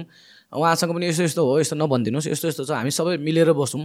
भनेर राम्रो कुरा गर्दा उहाँले पनि मान्नुभयो त्यो सेम केसहरू क्या जस्तै ललितपुरमा त्यो भाइहरू आएर चाहिँ त्यो सम्पदा विपरीत कामहरू गरेपछि उहाँलाई पनि बुझाउँ त्यसरी यावत रूपमा चाहिँ योभन्दा अगाडि अब हामीले थाहा भएको चाहिँ यति भयो धेरै त्यो प्रहार गर्ने नेवा सभ्यतामा। अनि हामी जस्तो एक्टिभिस्टहरू नेवा सभ्यताको लागि ज्यान प्राण दिएर होइन कुनै कसैसँग चाहिँ एकसुका नलिकन लिन्न भनेर सङ्कल्प गरेर साँच्चीकै आफ्नो बिजनेसहरू पनि त्यागेर परिवारलाई दिनुपर्ने समयहरू कम गरेर हामी हिँडिरहेकोहरूलाई स्वाभाविक रूपमा अलिकति त पर्ने भयो भने नकारात्मक असर पर्ने भयो। र अझ मुख्य कुरा चाहिँ अपूर्व क्षितिजकै कुरा गर्नु पर्दाखेरि उहाँको कमेडी हो त भनेको त्यहाँ कमेडी भनेको के? हामीले कमेडी फिल्महरू या कमेडी कन्टेन्टहरू हामीले हेरेको छैनौँ र सुनेको छैनौँ र। छन् छ नि धेरै छन्। कमेडीले पनि मान्छेलाई रिस उठ्छ। कमेडीले पनि मान्छे चिडिन्छ र। मजाक गर्दाखेरि पनि रिस उठ्छ उठ्दैन नि। तर उहाँको कमेडीले चाहिँ उहाँको कन्टेन्ट जुन राख्नुभएको छ उहाँले त्यसले चाहिँ चिडाउने छ त्यसमा। एकदमै अत्यन्त आपत्तिजनक शब्दहरू प्रयोग गरेको छ। नेपाली नेवा महिलाहरूलाई चाहिँ अलिकति होच्याइएको प्रस्टिच्युटको जस्तो संज्ञा दिएको गाँजा जस्तो कुराहरू खाने भनिएको भाँडामा बस्दाखेरि पैसा तिर्ने यावत विषयहरू थोरै आपत्तिजनक छ। पक्कै पनि छ त्यसको हामीले अब्जेक्सन गऱ्यौँ है विरोध गऱ्यौँ। तर कुरा कहाँनिर बिग्रिन आयो भन्दाखेरि उहाँलाई हामीले त्यो गरिसकेपछि बोलाएर उहाँलाई माफी माग्न लगाउने पुलिस चौकीमा होइन? अनि त्यसपछि चाहिँ अब सामान्य रूपमै थियौँ हामी पनि। तर विभिन्न घटनाक्रम पुलिसले गरेको व्यवहारहरू पनि त्यतिखेर अलिकति नमिल्दै थियो। तुरन्त उहाँहरूले लिनुभयो र त्यो जुन हामीले त्यहाँ विरोध गर्नु गएको थियौँ त्यसलाई सहज रूपमा लिएर अपूर्वलाई बोलाएर माफी माग्न लगायो त्यतिखेर पनि त्यो पुलिसले पनि त्यतिखेर लिएको थिएन। हामीलाई झन् हेप्यो भन्ने भयो त्यतिखेर। पुलिसले त लिनु पर्थ्यो नि त हाम्रो उजुरीहरू। त्यतिखेर नलिएको थियो। अनि अर्को मुख्य कुरा चाहिँ अब अपूर्व क्षितिजजीले जुन किसिमबाट आफ्नो अभिव्यक्ति दिनुभयो जुन कमेन्ट कमेडी गर्नुभयो त्यसले गर्दाखेरि यो नेवा सभ्यतासँग प्रत्यक्ष सरोकार लाग्ने नेपालभित्रका मानिसहरू र नेपाल बाहिरका मानिसहरू पनि अत्यन्तै अत्यन्तै आक्रोशित र नेवा सभ्यतासँग प्रत्यक्ष सरोकार राख्ने मात्रै होइन कि नेवा सभ्यतासँग प्रत्यक्ष असर नराख्नेहरू पनि आक्रोशित भयो उहाँले गलत बोल्यो भनेर। त्यतिखेरको माहौलै त्यस्तो किसिमको भयो कि धेरै मान्छेहरू स्वस्फूर्त रूपमा निस्के। अनि हामीले पनि साँच्ची के भन्दा म असफलताको मैले पहिला पनि माफी मागिसकेको छु यो विषयमा। मैले माफी मागिसकेको छु यो विषयमा। त्यतिखेर पनि अहिले पनि अझ मैले भने त्यतिखेर म आफैले भन्नाले के कुरामा असफल? मैले सबैलाई मैले कन्भिन्स गराउन सकेन। हामीले चाहिँ के भनेको थियौँ भने मैले के भने भने उहाँले एउटा कमेडी गर्नुभएको इभन उहाँको इन्टेन्सन चाहिँ द्वन्द्व निम्ति आउने खालको थिएन। कमेडी गर्ने नै इन्टेन्सन थियो तर गलत थियो।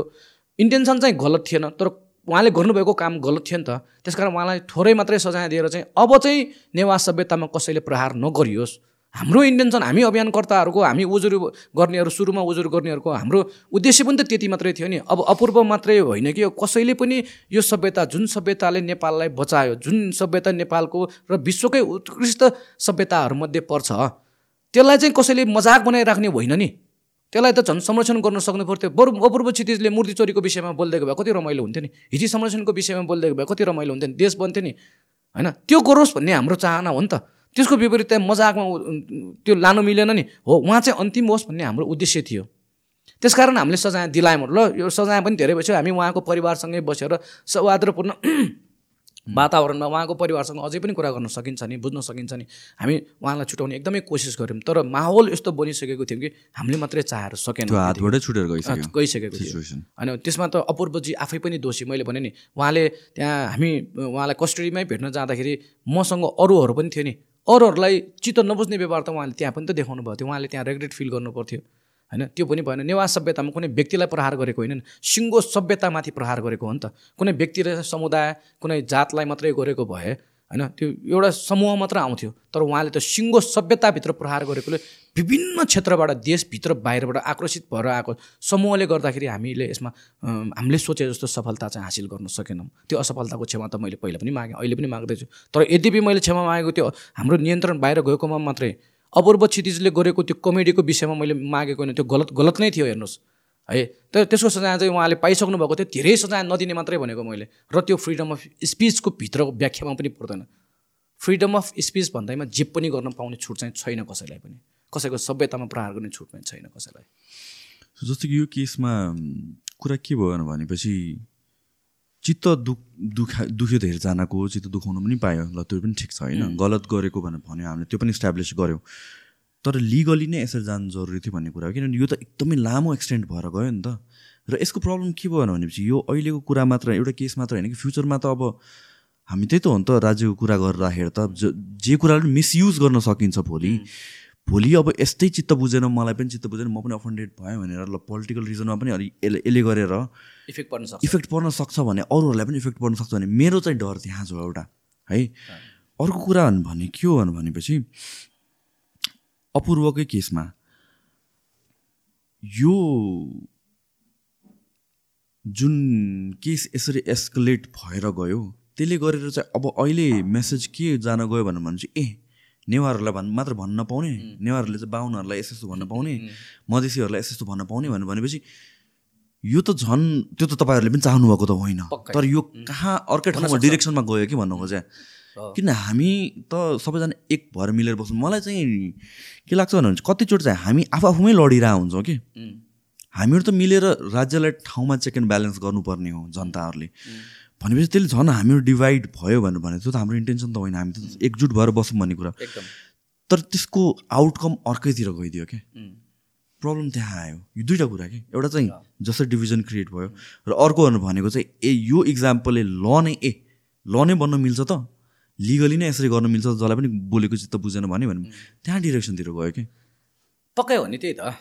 अब यो हामी चाहिँ कानुनी सहायतामा किन गयौँ भनेर मैले भर्खरै भनिसकेँ। योभन्दा अगाडि चाहिँ थुप्लैले प्रहार गऱ्यो हामीले एउटा सौहार्दपूर्ण वातावरणमा एउटा माफीको व्यवस्था गरेर चाहिँ हामीले सिद्ध्यायौँ त्यो केसहरूलाई। तर नेवा सभ्यतामा प्रहार गर्ने क्रम रोकिएन। यद्यपि अपूर्व क्षितिजलाई पनि हामीले त्यसरी धेरै दुःख दिने दुःखै दिनुपर्छ भन्ने हाम्रो मनसा कुनै हालतमा होइन। यो म किन भन्दैछु भने नेवा सभ्यतामा अपूर्व क्षितिजले त एउटा कमेडी मात्रै गर्नुभएको। यो सिङ्गो राज्यले यहाँ प्रहार गरिरहेको छ नेवा सभ्यतामा। हामीले त्यो राज्यलाई सम्झाउनुपर्छ। राज्यसँग बरु लडाइँ लडिरहेको छौँ हामी। अपूर्व क्षितिजसँग लडाइँ लड्ने होइन। त्यसकारण मैले अपूर्व क्षितिजलाई धेरै सजाय दिनु हुँदैन भनिरहेको छु। दिनुपर्छ उहाँलाई सजाय थोरै। किनभने उहाँले बोल्नुभएको त पक्कै हो। तर नियत चाहिँ उहाँको द्वन्द्व गराउने नियत चाहिँ होइन, होइन। हामी पनि मान्छौँ। उहाँको द्वन्द्व गराउने नियत होइन। उहाँको हँसाउने नै नियत हो। तर उहाँको कन्टेन्ट उहाँले गर्नु प्रयोग गर्नु गएको शब्दहरू गलत हुन गएको हो। त्यसकारण नजानेर भएको एउटा भुल भयो। भनौँ न एउटा हिसाबले किन त्यति पनि भनिदिउँ ल ठिक छ। नजानेर गएकोमा अलिकति उहाँलाई सजाय दिनुपर्छ सजाय दिएन भने फेरि अर्को क्रमहरू बढ्दै जाने भयो सधैँ प्रहार मात्रै भइराख्ने भयो नेवा सभ्यतामा। अनि हामी जस्तो अभियानकर्ता यो नेवा सभ्यता यो नेपाललाई बचाउनुपर्छ भनेर लडिरहेको र आक्रोशित हुने स्वाभाविक हो। यसलाई पनि स्वाभाविक रूपमै लिन सक्नुपर्छ। सामाजिक सञ्जालको मात्रै त्यो कमेन्टहरू यस्तो आयो उस्तो आयो भनेर आजकल त फेरि अचम्म एउटा प्रसङ्गमा फेरि जोड्छु। हाम्रो नेपालमा पनि के हुँदै भने सामाजिक सञ्जाललाई आधार लिने भयो यो गलत भइरहेको छ। जस्तै तपाईँको म फेरि अलिकति जोडेँ है यसमा। बालेनले अस्ति न के अरे सिंहदरबार आगो लगाउँछु भन्दाखेरि चाहिँ यहाँ मान्छेहरूले के भनिदियो भने कमेन्ट नै यति आयो सेयर यति भयो भने त्यसबाट निर्धारण गर्न थाल्यो। कहाँ जाँदैछौँ भने कि हामीले चाहिँ। त्यो फेसबुकबाट निर्धारण गर्ने हो र बालेनको दुई लाख सेयर भयो यो त्यो भयो भनेर सामाजिक सञ्जालबाट लिने होइन नि त। फिल्डमा अर्कै भइरहन्छ आ- एकजना मान्छेले हजार सेयर गर्न मिल्दैन।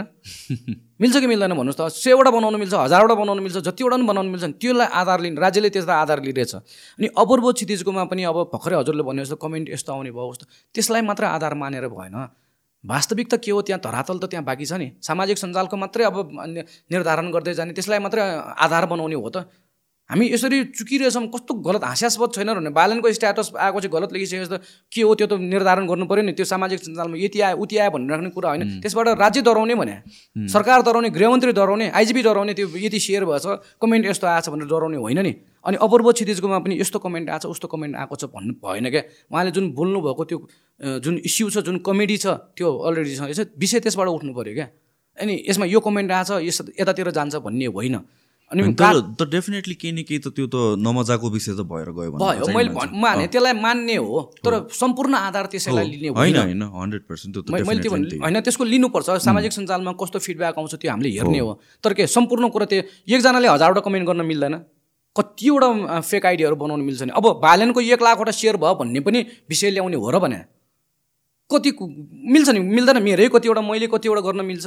त्यसलाई मात्रै टोटल्ली त्यसलाई आधार लिनु हुँदैन भनेको मैले। अनि अपूर्व क्षितिजकोमा पनि यो सबै वैशेषिक कानुनी आधार एउटा भएको नै भयो। अब यसलाई के गर्नुपर्छ भने मेरो विचारमा फ्रिडम अफ स्पिच भनेको के? यो व्याख्या हुनु पर्यो होइन र? जसलाई पनि जे पनि भन्न पाइन्छ भन्ने पनि हुन्छ त्यो फ्रिडम अफ स्पिच हो र। वाक स्वतन्त्रता भनेको त्यो हो र। कसैलाई होच्याउने सिङ्गो सभ्यतालाई होच्याउने पनि वाक स्वतन्त्रतामा व्याख्या गर्न मिल्छ र। त्यसकारण यसलाई क्याटेगोराइज गरिदिनु पऱ्यो अब चाहिँ एउटा अदालत जिल्ला अदालत एउटा फैसला भइसकेको अवस्था छ। अपूर्व क्षितिजलाई दोषी करार भइसकेको छ जरिवाना गरिसकेको छ सजाय दिइसकेको छ। अब हामीले पनि होइन भन्न मिल्दैन। त्यसकारण चाहिँ यसलाई अलिकति व्याख्या गरिदिनु पऱ्यो पूर्ण पाठ सायद एक दुई महिनामा आउला। अब के भएको छ त्यो पूर्ण पाठबाट पनि थाहा हुन्छ। तर साँच्चीकै भन्यो भने कसैलाई पनि त्यसरी होच्याउन चाहिँ पाइँदैन। त्यसरी मजाकको नाममा मान्छेलाई चिडाउन रिस उठाउन द्वन्द्व सिर्जना गर्न चाहिँ पाइँदैन त्यो। तर यो हदसम्म यो लिगली जान्छ भनेर पनि सोच्नु भएको त थिएन तपाईँले। होइन त्यसरी लाने पनि हाम्रो इन्टेन्सन पनि होइन भने। मैले भने नि नेवारलाई चाहिँ भन्न पनि नहुने अब बाहुनलाई चाहिँ भन्न पाउने। मधेसीलाई यो त्यस्तो काइन्ड अफ आर्गुमेन्ट मान्छेले त्यो त्यो ल्याउनु हुँदैन नि त। कसैले कसैलाई भन्न पाइँदैन। वाक स्वतन्त्रताको व्याख्या नै आफ्नो किसिमले बुझ्नु पऱ्यो नि। के हो वाक स्वतन्त्रता भनेको? त्यो त अब जस्तै मैले अहिले बालेन भनिरहेको छु नि। बालेनले यो गर्यो त्यो गर्यो भनेर भन्छु नि। यो हो नि वाक स्वतन्त्रता भनेको। प्रचण्डलाई भन्छु नि म प्रचण्डले यस्तो गर्यो उस्तो गर्यो भनेर गलत। तर मिथ्या आरोप लगाउनु पाउँदैन गलत आरोप लगाउनु पाइँदैन कसैलाई पनि। वाक स्वतन्त्रताको नाममा मैले कस- कसैलाई त्यसै चोर भन्न पाइन्छ र?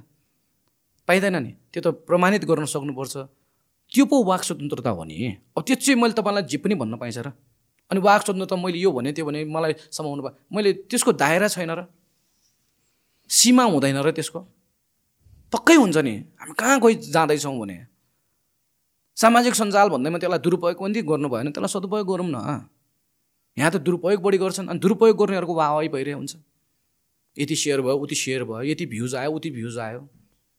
एउटा हिसाबले यो फ्रस्ट्रेसन जम्मा भएको पनि हो किनभने केही महिना अगाडि नै एउटा सरस्वती प्रधान भन्ने केसमा त्यहाँतिर पनि ठुलै इस्यु भएको थियो। अहिलेसम्म भइरहेको छ त्यो उठाउँदैन। खोइ त त्यो विषयमा चर्चा कहीँ पनि भएन त। त्यो हजुरले उठाउनु? भयो धन्यवाद। भएको चाहिँ के हो खासमा? ए भगवान् त्यो त हेर्नुहोस् न कति अन्याय थियो। यो त हामीले हल्लाको बेसिसमा मात्र सुनेका छौँ राम्ररी बुझ्न चाहिँ पाएको छैन। एक्चुअलमा भएको चाहिँ के छ? यो त यति दुर्भाग्य कि मिडियाले ल्याउँदै ल्याउँदैन भने मिडिया कति पूर्वाग्रह रहेछ काठमाडौँमा हेर्नुहोस् त। अचम्म छैन र भने मिडिया हेर्नु न मिडिया। वरिष्ठ वरिष्ठ पत्रकार भन्नेहरू हेर्नुहोस् त। कति पूर्वाग्रह कति अन्याय गरिरहेछन् यहाँ। यसले समाजलाई कहाँ पुर्याउँछ? यसको परिणाम के आउँछ? सरस्वती दिदीलाई कति अन्याय भएको? राज्यले सङ्क्रमण ऐन लागू गरिरहेको थियो। घरभित्र कसैलाई पस्न नदे है? र तँ पनि कसैको घरभित्र नजा भनेर नियम कानुन बनाएको बेला होइन र त्यो? अनि कोठा खोज्न आएको छ त्यतिखेर? कोठा खोज्न आउनु पाइन्छ? एक। कोठा खोज्न आयो। ल आवश्यकता भयो आयो। त्यो पनि हेऱ्यौँ उसको पहिलाको रुम कहाँ हो त्यो पनि हेर्न गयौँ हामीले। त्यो घरबेटी पनि भेट्यौँ। उहाँलाई रुम आवश्यकै थिएन भने उहाँ घरबेटी अहिले पनि जान सक्छौँ नि हामी। रुम आवश्यक थिएन? थिएन नि उहाँलाई। रुम आवश्यक नभइकन उहाँको त अभियान रहेछ नि त यो दलित हन्ड्रेड पर्सेन्ट। सार्वजनिक रूपमा बोलिरहेको छु म। अभियान रहेछ नि त उहाँहरूलाई यो कहाँ कहाँबाट के के भएको अभियान? दलितहरू भनेर जातको अभियान यो। त्यो विषय जातकै विषय होइन। कोठाको विषय थियो अधिकारको विषय। नैसर्गिक अधिकारको विषय। आफ्नो घरको मेरो सम्पत्ति मैले कसलाई दिने नदिने भन्ने विषय हो त्यो। जातको विषय हो र यो। जातको विषय लग्यो यहाँ। तर त्यहाँ कुरा के आयो भनेर भनेपछि जात के हो भनेर सोधेपछि अह मिल्दैन भनेर भन्नुभयो भन्ने कुरा आयो नि त। तपाईँले सामाजिक सञ्जाल हेरेर भन्नुभयो। हो मैले मैले त्यही कुरा मलाई। खोजिरहेको तर त्योभन्दा गहिरामा पनि एकचोटि खोज तलास पनि हुनुपर्छ भने अध्ययन पनि हुनु पऱ्यो कसैको। भएको चाहिँ के थियो त कोठा मैले भने सङ्क्रमण ऐन लागू भइरहेको समय राज्यले चाहिँ कानुन कस्तो बनाएको थियो भने कसैलाई घरभित्र आउनु पनि नदे तँ पनि नजा भन्ने अवस्थामा पत्रकारको भेषमा तिनजना महिलाहरू कोठा खोज्न आउनुभएको। अनि त्यो घरमा एकजना बुढी आमा अस्वस्थ पनि हुनुहुन्थ्यो। होइन? अनि राज्यले उम्, कसैलाई आउन नदिए रोग लाग्छ भन्ने डरलाग्दो अवस्था थियो नि त ज्यानको सवाल थियो नि त त्यहाँनिर। भनेपछि उहाँले कोठा दिन भन्न पाइँदैन। अनि त्यो कोठा दिन्न भनिसकेपछि उहाँले विभिन्न प्रभाव गरेर त्यो जातसम्म पुर्याइयो त्यहाँ। अनि रेकर्ड गरियो। त्यसपछि रेकर्ड रेकर्ड गरियो। त्यसपछि हो। रेकर्ड गर्यो। रेकर्डमा पनि राम्रोसँग सुन्न सकिन्छ। हाम्रो सरस्वती दिदी निर्दोष सरस्वती दिदी उहाँलाई यो जातसातसँग के मतलब भने निर्दोष सरस्वती दिदीले त जातको कुरा गर्नु नै भएको थिएन। पछि मात्रै उहाँले धेरै त्यहाँ ल्याइसकेपछि एडिट गरेको भाग राखियो त्यहाँ। हामी प्रत्यक्ष रूपमा त्यो केससँग सम्बन्धित मान्छे नि। सरकारवाला हौँ नि हामी। हामीले देखेको छौँ नि। आजसम्म त्यो केस सिद्धिएको छैन। उहाँ कति सुविधाहरू उहाँले गर्नुपर्ने कामहरूबाट कतिबाट वञ्चित भइराख्नु भएको छ। उहाँको जिन्दगी कस्तो होला हेर्नुहोस् त। पुलिससँग जिन्दगीमा कहिल्यै राम्रोसँग यसरी फेस टु फेस नभएको मान्छे यो उमेरमा आएर सरस्वती प्रधान दिदी चार दिन थुनिनु पर्यो सोरखुट्टी प्रहरी चौकीमा। आफ्नो घरको कोठा दिन्न भन्दाखेरि। आफ्नो घरको कोठा दिन्न भन्ना मात्र होइन कि जस्तै मैले पनि हाम्रो आफ्नो आफ्नो परम्परा आफ आफ्नो संस्कृति आफ आफ्नो रीतिरिवाज हुन्छ। मैले अघिदेखि त्यो यही सभ्यताको कुरा गरिरहेको।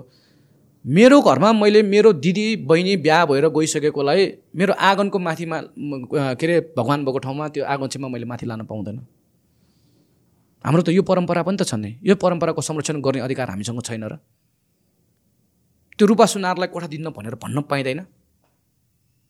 कुनै सार्वजनिक स्थलमा पानी लिन नदिएको कुनै सार्वजनिक स्थलमा चाहिँ जातको विषय ल्याएर छुवाछुत गरेको अन्याय गरेको भए हो। घरभित्र बसी सङ्क्रमण एन लागु भइरहेको विषय भने लकडाउन भइरहेको समयमा। अझ यति मात्रै हो र? काठमाडौँभित्र या काठमाडौँ बाहिर पनि यो जातको विषयमा यो छुवाछुटको विषयमा मलमूत्र खुवाइन्छ त्यहाँ। कस्तो अभद्र व्यवहार गरिन्छ। खै त्यहाँ रूपा सुनारजीहरू? निर्दोष सरस्वती प्रधान दिदीले आजसम्म दुःख पाइरहेको छ। आज अपूर्व क्षितिजको केस सिधिसकेपछिसम्म पनि यसरी मिडियामा यसरी पोडकास्टमा आएर हामी यसरी बोलिराख्नुपर्छ भने सरस्वती प्रधान दिदीको केस चाहिँ किन कसैले पनि उठाउँदैन एकचोटि? सरस्वती दिदी प्रधानलाई पनि बोलाउनु एकचोटि। उहाँको केसमा कोही रूप छलफल गरौँ न। हामी अघि हजुरले भन्नुभएछ हामी सबै नेपाली एक हौँ न। कसैले कसैलाई दुर्व्यवहार नगरौँ। मानव कल्याणको कामहरू हामी सबै मिलेर गरौँ न। पत्रकारहरूले पनि गरिदिँदैन यहाँ। अचम्म छ साह्रै। पत्रकार देखाएको साह्रै अचम्म लाग्छ हामीलाई। उहाँहरू आफैले खोज तलास गरेर ल्याउनु पर्ने विषयहरू हामीले गएर दिँदाखेरि पनि उल्टो दुर्व्यवहार हुन्छ। भगवान्लाई यस्तो पूजा गर्दाखेरि पनि पुग्दैन भने। उहाँहरूलाई। मसँग थुप्रै यहाँ प्रतिष्ठित भनिएका जुन मिडियामा स्टन देखाउने हाम्रो मैले पनि यही भने स्टन भने पत्रकारजीहरू हुनुहुन्छ नि त्यो नेतालाई ल्याएर राखराख्ती पारेर कहाँ कहाँ पुर्याउँछ नि समाचारलाई। त्यही नेताहरूलाई राखराख्ती पारेरै हुन्छ। तर मुख्य चाहिने विषयवस्तुमा ल्याएर कुरा गर्ने हिम्मत ल्याउनु पऱ्यो भनेको मैले। भगवान्को मूर्ति चोरीदेखि लिएर यो सरस्वती प्रधानदेखि लिएर अपूर्व क्षितिजको कुराहरू त्यो ल्याउनु पर्दैन ल्याउँदैन नि। यहाँ गृहमन्त्रीलाई ल्याएर राखराख्ती पारेर भगवान्को मूर्ति चोरी खोयो भनेर सोध्नु पऱ्यो आइजिपीलाई ल्याउनु पऱ्यो पुलिस भनेर फुर्ती ल्याएर बसेर हुन्छ। सेनालाई ल्याउनु पऱ्यो विश्व सम्पदा किन नहेरे भनेर। विश्वमा शान्ति फैलियोस् भनेर स्वयम्भू छ हाम्रो। विश्वमा शान्ति फैलियोस् भन्छ नि। त्यो स्वयम्भूको मुनि भारत खाना छ भने। कसैले ध्यान दिँदैन। विश्वमा शान्ति फैलियोस् भन्ने। सुन्नुहोस् त यहाँ। त्यसको ठ्याक्क मुनि बारुद खाना बारुद। यो सबै विषय त्यस कारण यो अपूर्व क्षितिजको यो सबै यो यसरी भइरह्यो नि। जसले जता मिडियाले जता लग्यो त्यतैतिर दौडिरहेछौँ क्या हामी। अपूर्व क्षितिजको मात्रै अन्याय भयो। अपूर्व क्षितिजलाई केही भएको छैन। उहाँले त अझ गलत काम गर्नुभएकै हो। तर उहाँको नियत चाहिँ गलत थिएन। उहाँलाई त्यस्तरी सजाय चाहिँ हामीले दिने हाम्रो पनि उद्देश्य होइन। हामी मिल्ने नै हो। अपूर्व क्षितिजहरू बरु अहिले यो पोडकास्टबाट भन्छु। आउनुहोस् अपूर्व क्षितिज तपाईँहरू म बसेर नेवा सभ्यतामा मूर्ति बचाउँ हिटी बचाउँ मिलेर गरौँ। तपाईँ कमेडीकै माध्यमबाट हिटी बचाउनु पर्छ भने सन्देश दिनुहोस् न बरु। आउनुहोस् न हामी मिलौँ। के छ र? हुनुपर्ने त त्यो हो नि। अनि देश बनाउँ न हामी। अब अपूर्व क्षितिजले अब रिभेन्ज टाइपबाट सोच्ने अब मलाई दस हजार जरिवाना होइन नि। अब सिद्ध्य अब यसलाई अब जसले जहाँ जे भए पनि अब सिद्ध्याउँ यसलाई। यसलाई नदोहोऱ्याएर नकोटेर हौँ सिद्ध्यो हाम्रो उद्देश्य पनि नेवास सभ्यतामा कसैले प्रहार नगरियोस्। उहाँले पनि हँसाउनु खोज्नुभएको हो। गलत भयो उहाँको।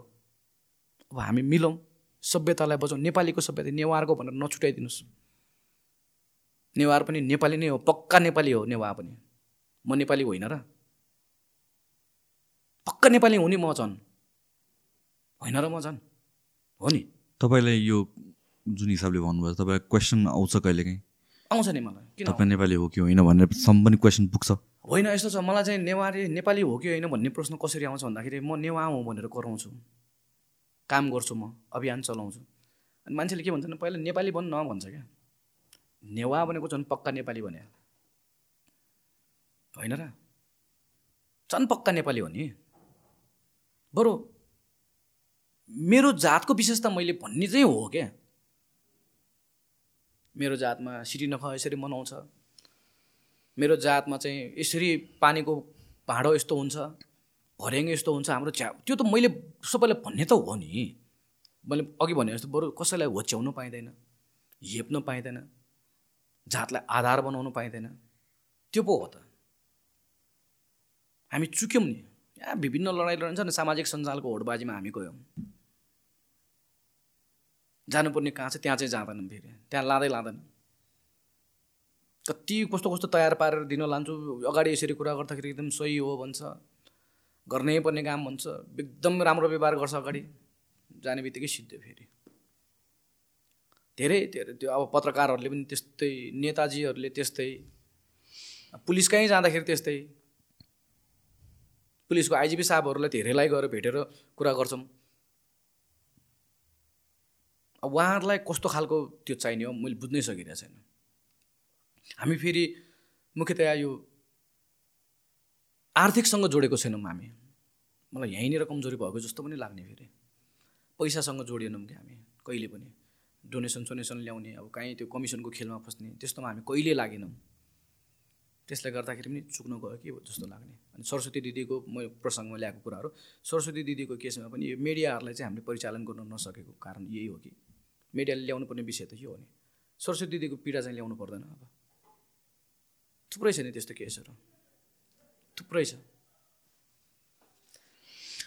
आई थिङ्क हामीले प्रायः धेरै जस्तो कुरा डिस्कस गरिसक्यो। यति आइदिनु भयो धन्यवाद। र जुन तपाईँको प्यासन छ जुन देखिन्छ पनि जुन हेरिटेज बचाउनुपर्छ भन्ने कुरा हो र यो यो यस्तो सब्जेक्ट हो कि सबैलाई बुझ्न जरुरी छ तर नबुझ्या पनि हो।